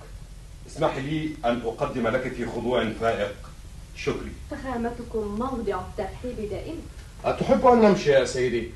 آه ديسديمونا مولاي. أوي أنت إلى فراشك. لحظة وسأعود على الفور. اصرفي وصيفتك وتأكدي من ذلك. سأفعل يا مولاي. يا للعجب إنه أرق حاشية من مكان. قال إنه سيعود على الفور وأمرني بأن آوي إلى فراشي وأصرفك. تصرفينني؟ هذا أمره. فلتناوليني لباس الليل ولتنصرفي أنت يا إيميليا. لا ينبغي أن نعكر مزاجه الآن. ليتك ما رأيته أبدا. لست معك. فحبي له يجعلني أنظر إليه بعين الرضا وهي كليلة عن مساوئه. فعناده وشدته وتقيداته وعبوسه.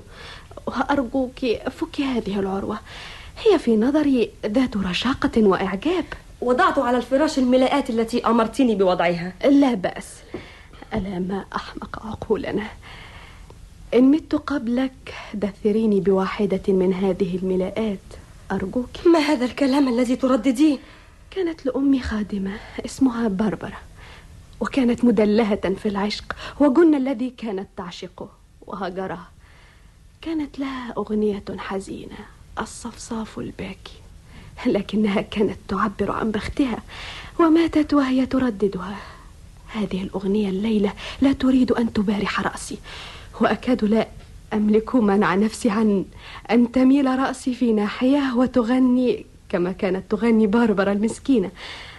أرجو أن تنصرفي. هل أتيك بعباءة الليل؟ كلا فك هذه العروة. هذا السيد لودوفيكو رجل كامل. رجل وسيم الطلعة جدا. حسن المنطق أعرف سيدة في البندقية تسير حافية القدمين إلى فلسطين عن طيب خاطر لمجرد قبلة من جفته السفلى. بجانب شجرة الجميز جلست المسكينة تتأوه تئن كالصفصاف الباكي الحزين.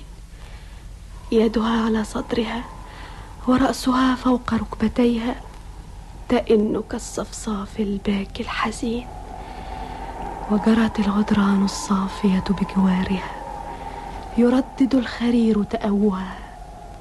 تئن كالصفصاف الباكي الحزين. أنصتي من الذي يطرق الباب؟ إنها الريح. قلت حبيبي خائن. فما الذي قال أيها الصفصاف الباكي الحزين؟ إن توددت إلى نساء أخر فستضاجعين رجالا أخر. انصرفي أنت طاب ليلك. إن عيني ترف أفذلك نذير بكاء؟ لا بكاء ولا غير بكاء. لقد سمعت ذلك. يا لهؤلاء الرجال. يا لهؤلاء الرجال. خبريني يا إيميليا. أتعتقدين مؤمنة؟ أن هناك نساء يخن أزواجهن بهذا الشكل الفظيع هناك نفر منهن كذلك وهي شيء أكيد أتفعلين هذه الفعلة إذا أعطيت الدنيا وما فيها؟ لماذا؟ ألا تفعلينها أنت؟ كلا بحق هذا النور المبارك ولا أنا أفعلها بهذا النور المبارك فالظلام أفضل وأنسب أتفعلين هذه الفعلة إذا أعطيت الدنيا وما فيها؟ إن الدنيا شيء ضخم فهي ثمن عظيم لرذيلة صغيرة. إني أعتقد حقيقة أنك لن تفعلي ذلك. أعتقد حقيقة أنني أفعلها ثم أكفر عن فعلتي فيما بعد. وبالطبع لن أفعل مثل هذه الفعلة من أجل خاتم مزدوج أو أطوال من التيل الثمين أو عباءات أو ثياب نسوية أو قبعات أو منحة صغيرة ولكن من أجل الدنيا وما فيها. أي امرأة لا تخون زوجها حتى تجعل منه ملكا. إني لأذهب إلى المطهر في سبيل ذلك. لتنزل علي اللعنة إذا كنت أرتكب مثل هذه الخطيئة من أجل الدنيا بأسرها. إنما الخطيئة خطيئة في نظر الدنيا وما دامت الدنيا ملك يديك ثمنا لجهدك فالخطيئة شيء في دنياك تستطيعين أن تصلحيه بأسرع وقت. ما أظن أن مثل هذه المرأة موجود. بلى بالعشرات. وفوق ذلك نتاجهن مما يملأ الدنيا التي لعبن من أجلها. على أنني أعتقد أن النساء إذا وقعن فالذنب ذنب الأزواج. ألا فليعلم الأزواج أن لزوجاتهم حواسا مثلهم. فهن يبصرن ويشممن ويتذوقن الحلو والمر ويميزن بينهما كالأزواج سواء بسواء. طاب ليلك طاب ليلك ولتبارك السماء.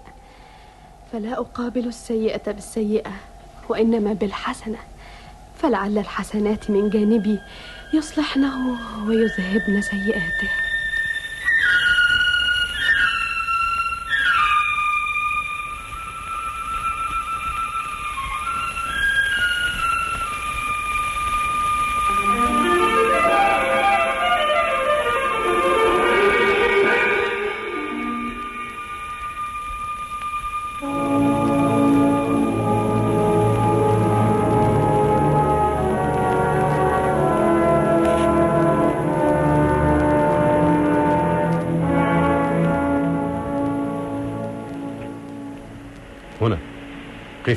هذه الكتلة.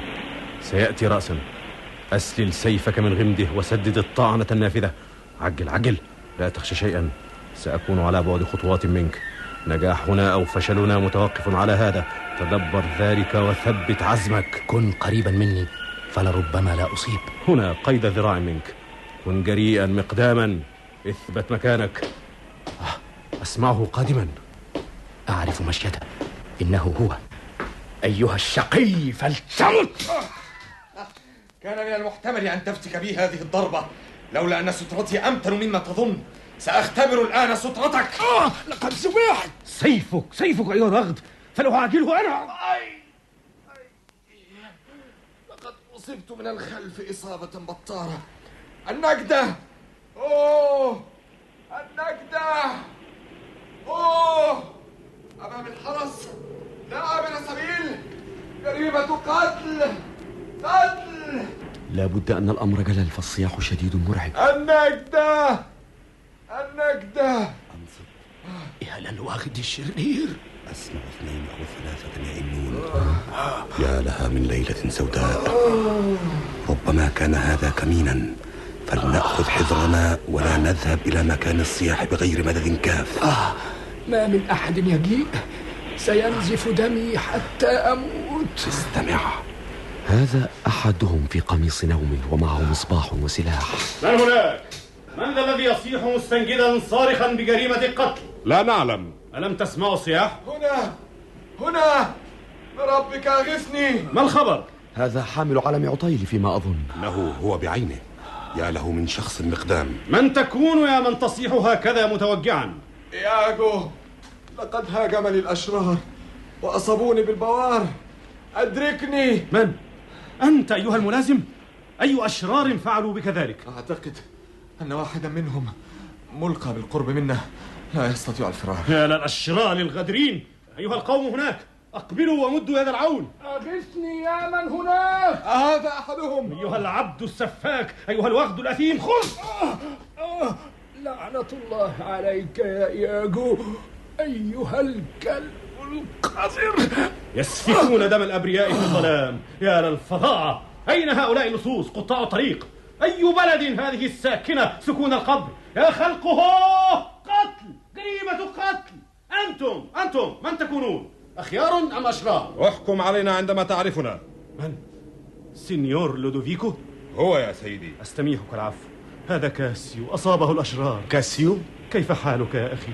إن ساقي مشطورة شطرين لا قدر الله ايتوا بضوء أيها السادة سأضمد ساقه بقميص هذا ما الخبر يا من هنا؟ من ذا الذي كان يستصرخ؟ من ذا الذي كان يستصرخ؟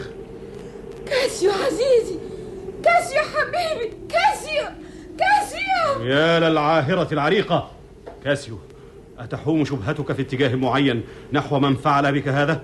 كلا. يؤسفني أن ألقاك على هذه الحال وكنت قد خرجت للبحث عنك. أعرني ربطة ساقك. هكذا هكذا. آه، من لي بمقعد ننقله عليه من هنا دون أن نشق عليه؟ وحسرته. إنه يفقد رشده. كاسيو كاسيو كاسيو. أيها السادة إني لا أرتاب في أن يكون لهذه المرأة ضلع في هذه الجريمة. صبرك هنيهة أيها الطيب كاسيو. تعالوا معي. أعيروني مصباحا. لنرى إن كان وجه هذا السفاك معروفا لنا. وأسفاه إنه صديقي ومواطني العزيز رودريجو كلا كلا ليس هو. بل إنه لهو بعينه.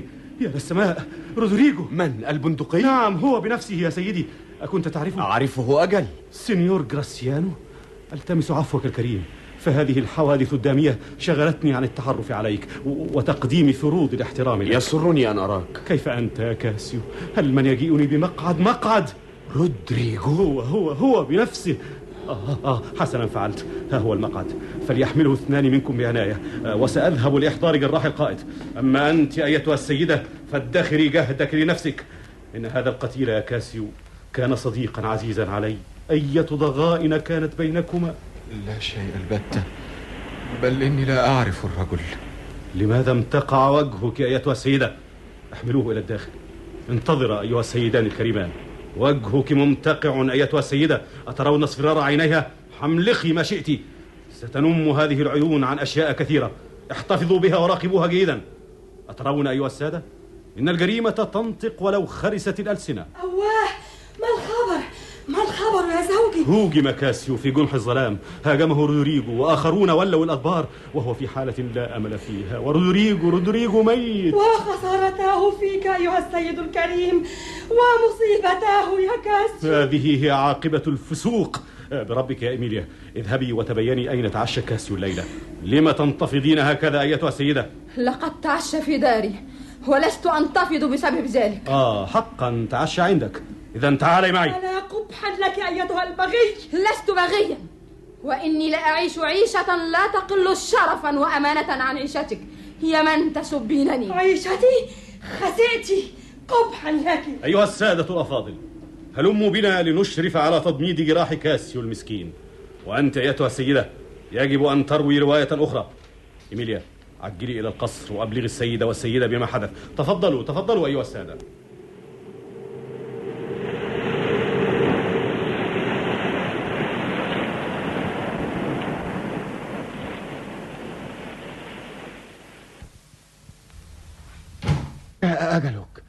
فاعترفي من تلقاء نفسك بذنبك.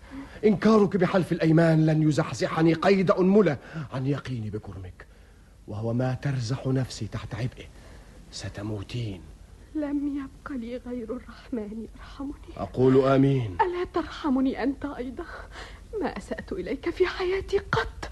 وأشهد الله ما أحببت كاسيو إلا بذلك الود الذي تبيحه السماء. وما أهديته شيئا قط. وحق السماء. لقد رأيت منديلي في يده أيتها المرأة الحانثة إنك تحجرين قلبي وتجعلين العمل الذي عولت عليه جريمة قتل لا قربانا يقدم على مذبح العدالة. لقد رأيت المنديل بعيني. ربما عثر عليه أما أنا فلم أهديه إياه قط. ابعث إليه وطالبه أن يعترف لك بالحقيقة. لقد اعترف. ماذا تقول يا مولاي؟ بأنه نال منك مشتهاه كيف؟ مشروع. أجل. لا يمكن أن يقول ذلك. كلا لقد سد فمه. تولى أمره إياج الأمين. مخاوفي تتحقق. أمات. لو أن كل شعرة من شعري كانت روحا لقبضتها جميعا. وحسرة لقد راح ضحية الخيانة. وأنا لك من فاجرة. تبكينه أمام عيني. انفني يا مولاي ولكن لا تقتلني. تبا لك من فاجرة. أقتلني غدا ودعني أعيش الليلة إذا أنت حاولت المقاومة. نصف ساعة فقط. سبق السيف العذل. ولو لصلاة واحدة. لقد تنت ساعتك.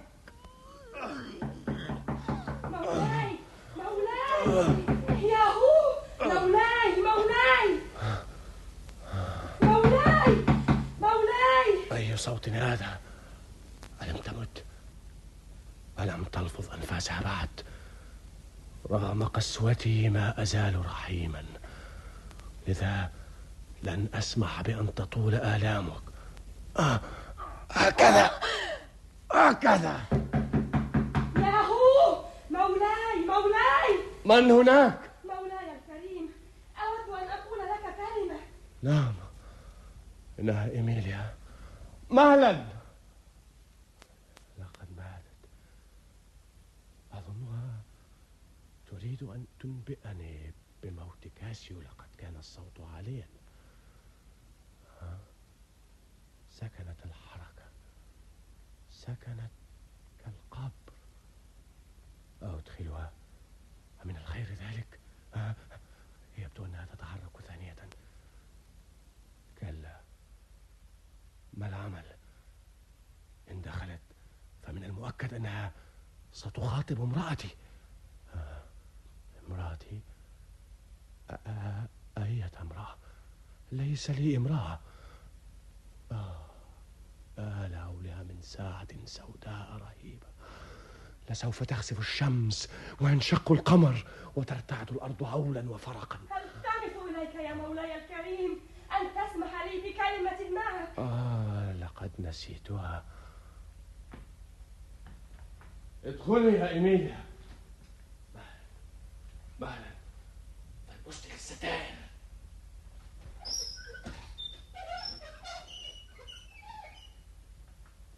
أين أنت؟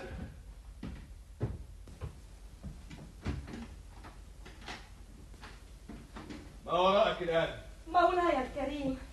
لقد حدثت جرائم فظيعة في الخارج. ماذا تقولين؟ الآن؟ اللحظة يا مولاي. إنه لضلال القمر الذي يقترب من الأرض أكثر من عادته فيجن الناس. كاسيو يا مولاي قتل شابا من البندقية اسمه رودريجو رودريجو قتل وكاسيو قتل. كلا كاسيو لم يقتل. كاسيو لم يقتل. إذا لقد تنكب القتل السبيل. ومر طعم الانتقام.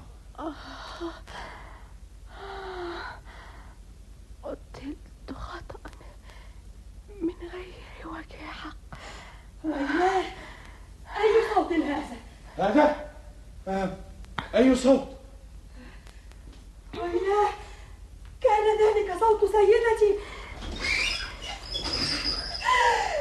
النجدة النجدة ياهو النجدة ثانية يا سيدتي أيا تسدمون العزبة سيدتي المحبوبة تكلمي أموت بريئة من كل ذنب ومن الذي فعل بك هذا؟ لا أحد أنا نفسي الوداع أذكريني بالخير لمولاي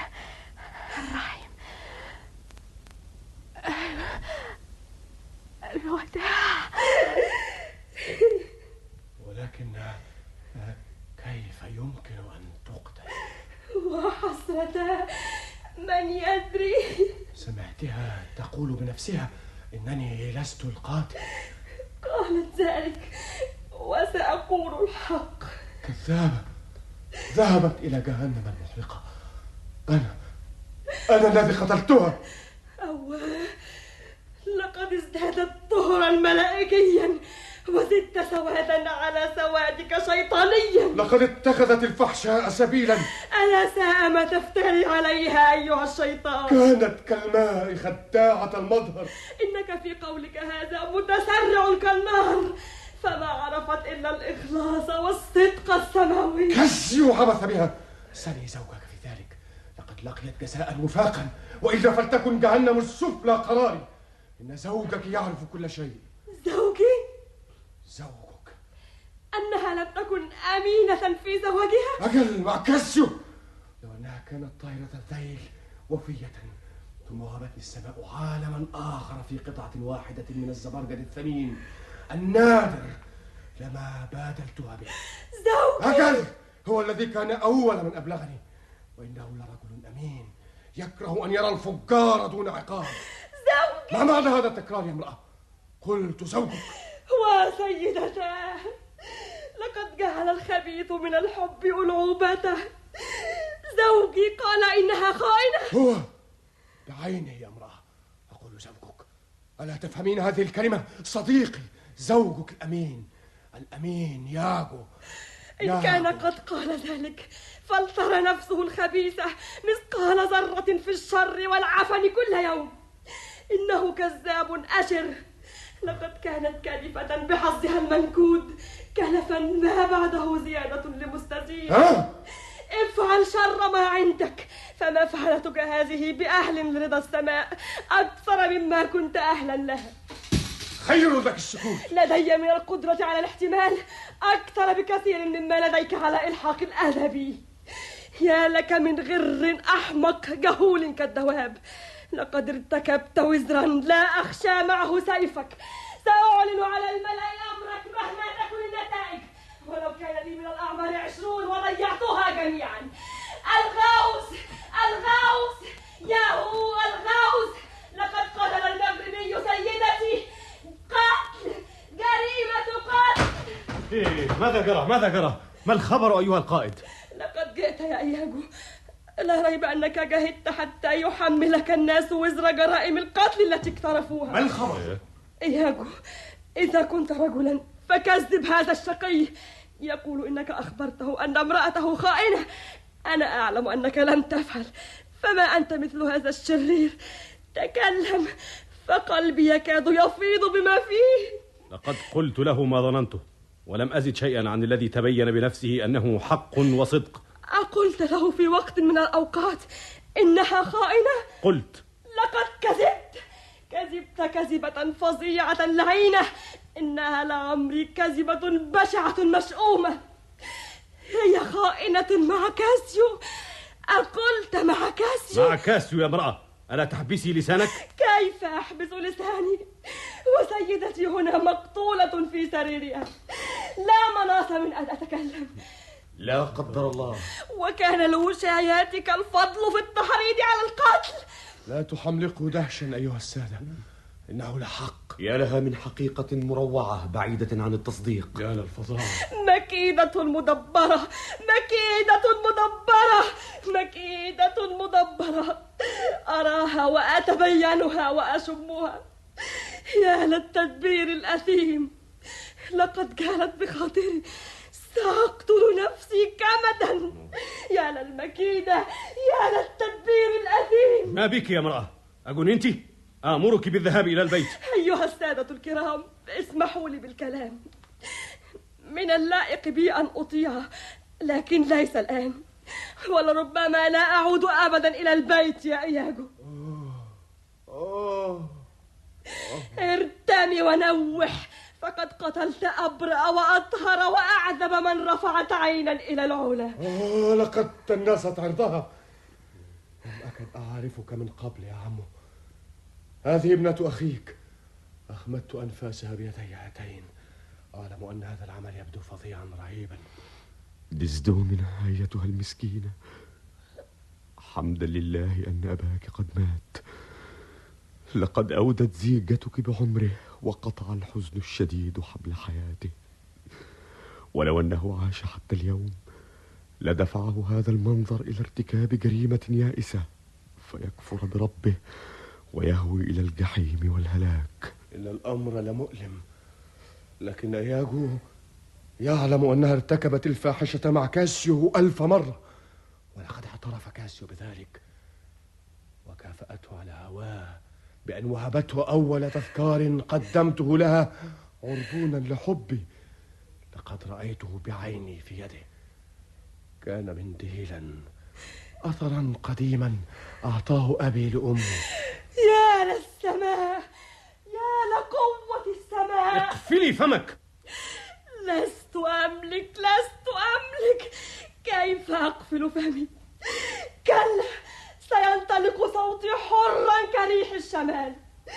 لتصرخ السماوات والرجال والشياطين جميعا في وجهي. ولتنهتني بالهار ولكنها لن تمنعني عن الكلام. اعقلي واذهبي إلى البيت. لن أفعل. يا للعار تجرد سيفك على امرأة؟ أيها المغربي الغبي ذلك المنديل الذي تتكلم عنه. وجدته بمحض الصدفة وأعطيته لزوجي. فكم من مرة رجاني بجد واهتمام لا يتناسبان مع شيء تافه كهذا أن أسرقه له تكذبين أيتها المومس. وحق السماء ما أقول إلا الحق أيها السادة. يا لك من قاتل مغرور. ما كان لأحمق مثلك أن يكون له أي شأن يذكر مع زوجة كاملة مثلها. أفليس في السماء حجارة غير التي تستخدم في الرعود؟ أما من واحدة لتنزل فوق رأس هذا المجرم الداهية خذي هذا جزاء لك. المرأة تهوي قتل العمري زوجته. أجل. أجل. يا الله. ضعوني إلى جانب سيدتي. لقد فر فر وقتلت امرأته. إنه لمجرم عات. خذ هذا السلاح الذي جردت المغربية منه. هيا احرس الأبواب الخارجية ولا تدعه يفلت. وأن يقتضي الأمر لا تتردد في قتله. سأخرج أنا أيضا لمطاردته فهو مجرم خطير. حتى شجاعتي تخلت عني بحيث أصبح في ميسور أي صعلوك تافه أن يجردني من سيفي. ولكن ما قيمة الشجاعة إذا ضاع الشرف؟ فلتذهب جميعا. بمكانة تنبئ أمنيتك يا سيدتي أنصتي أتسمعينني؟ سأغني كالبجعة أغنية الموت. أيها الصفصاف أيها الصفصاف أيها الصفصاف كانت طاهرة أيها المغربي كانت تحبك أيها القاسي القلب. إلى النعيم يا روحي.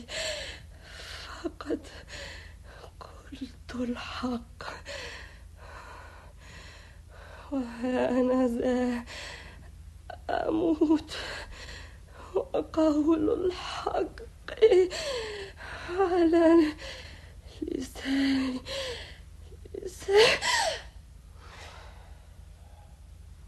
عندي سلاح آخر في هذه الغرفة. سيف إسباني من الصلب الحامي المنغمس في الماء المثلج. أهو ذا. يا رم!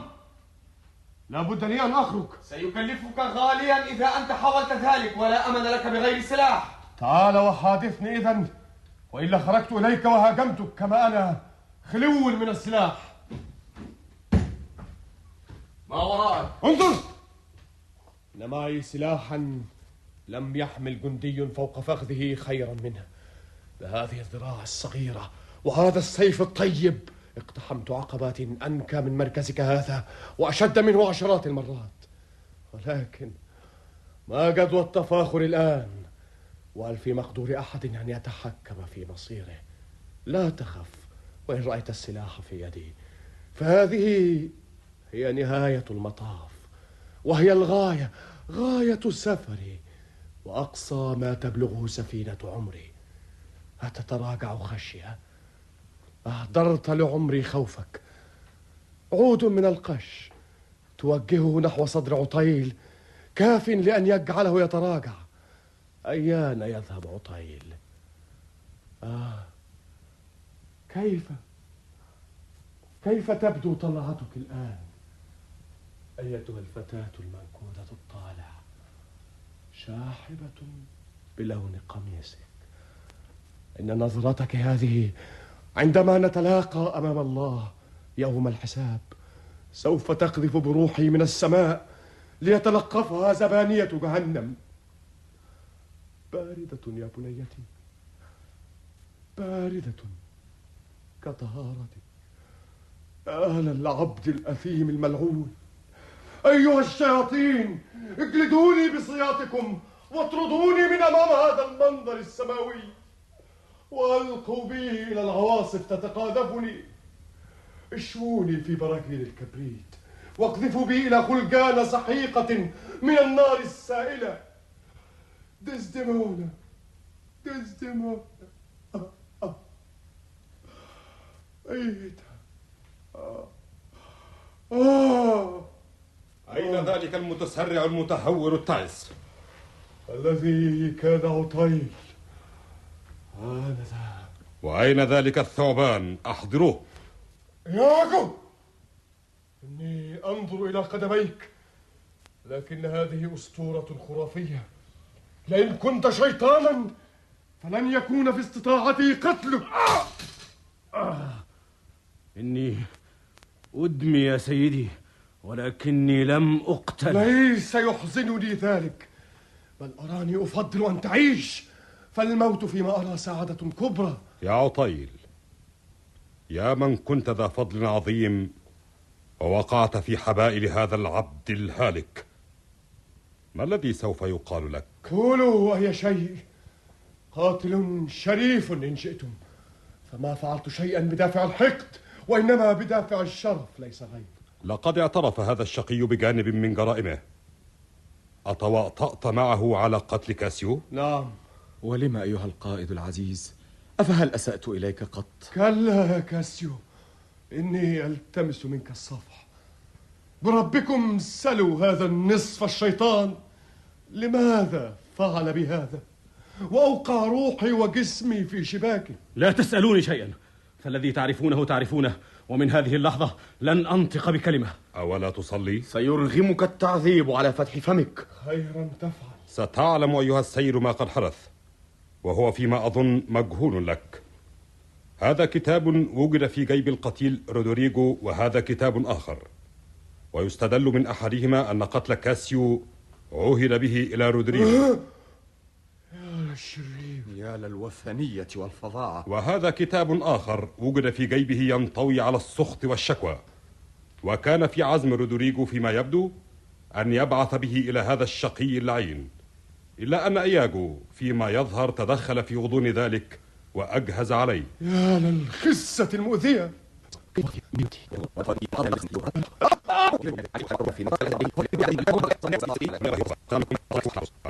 تظل سجينا حتى تعلم دولة البندقية بأمر إساءتك.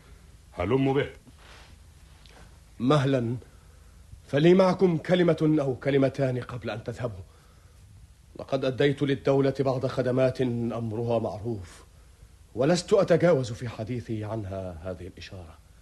كل ما أرجوه هو أنكم عندما تقصون هذه الحوادث المشؤومة في رسائلكم اذكروني على حقيقتي دون ما زيادة أو بدافع الحقد نقصان.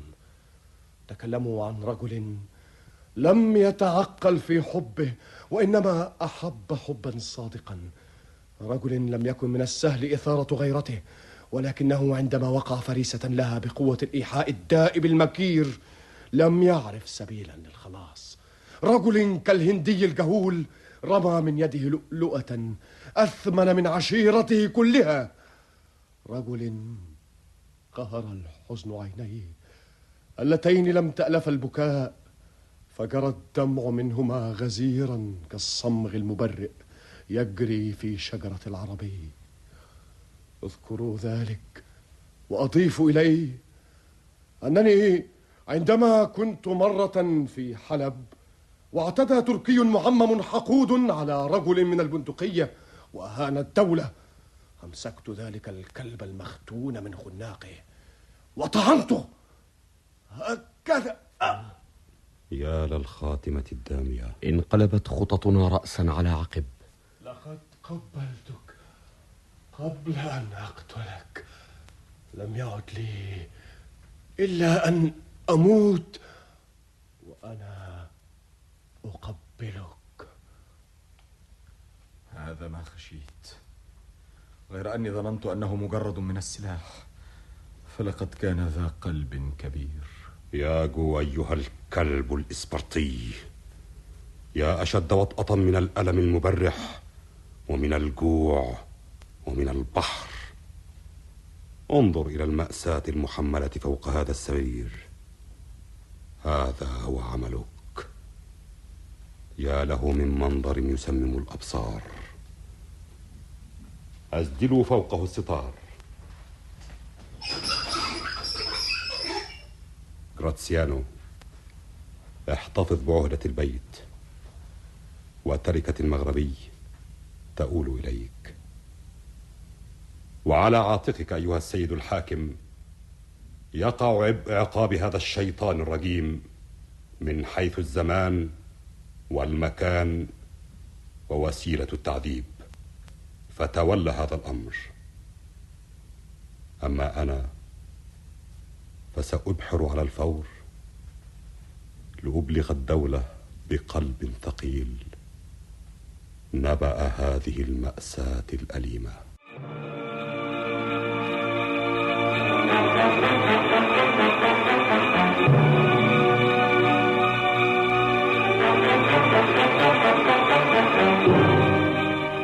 وهكذا تنتهي تمثيلية عطيل لويليام شكسبير قدمناها إليكم عن النص الكامل ترجمة محمد فتحي.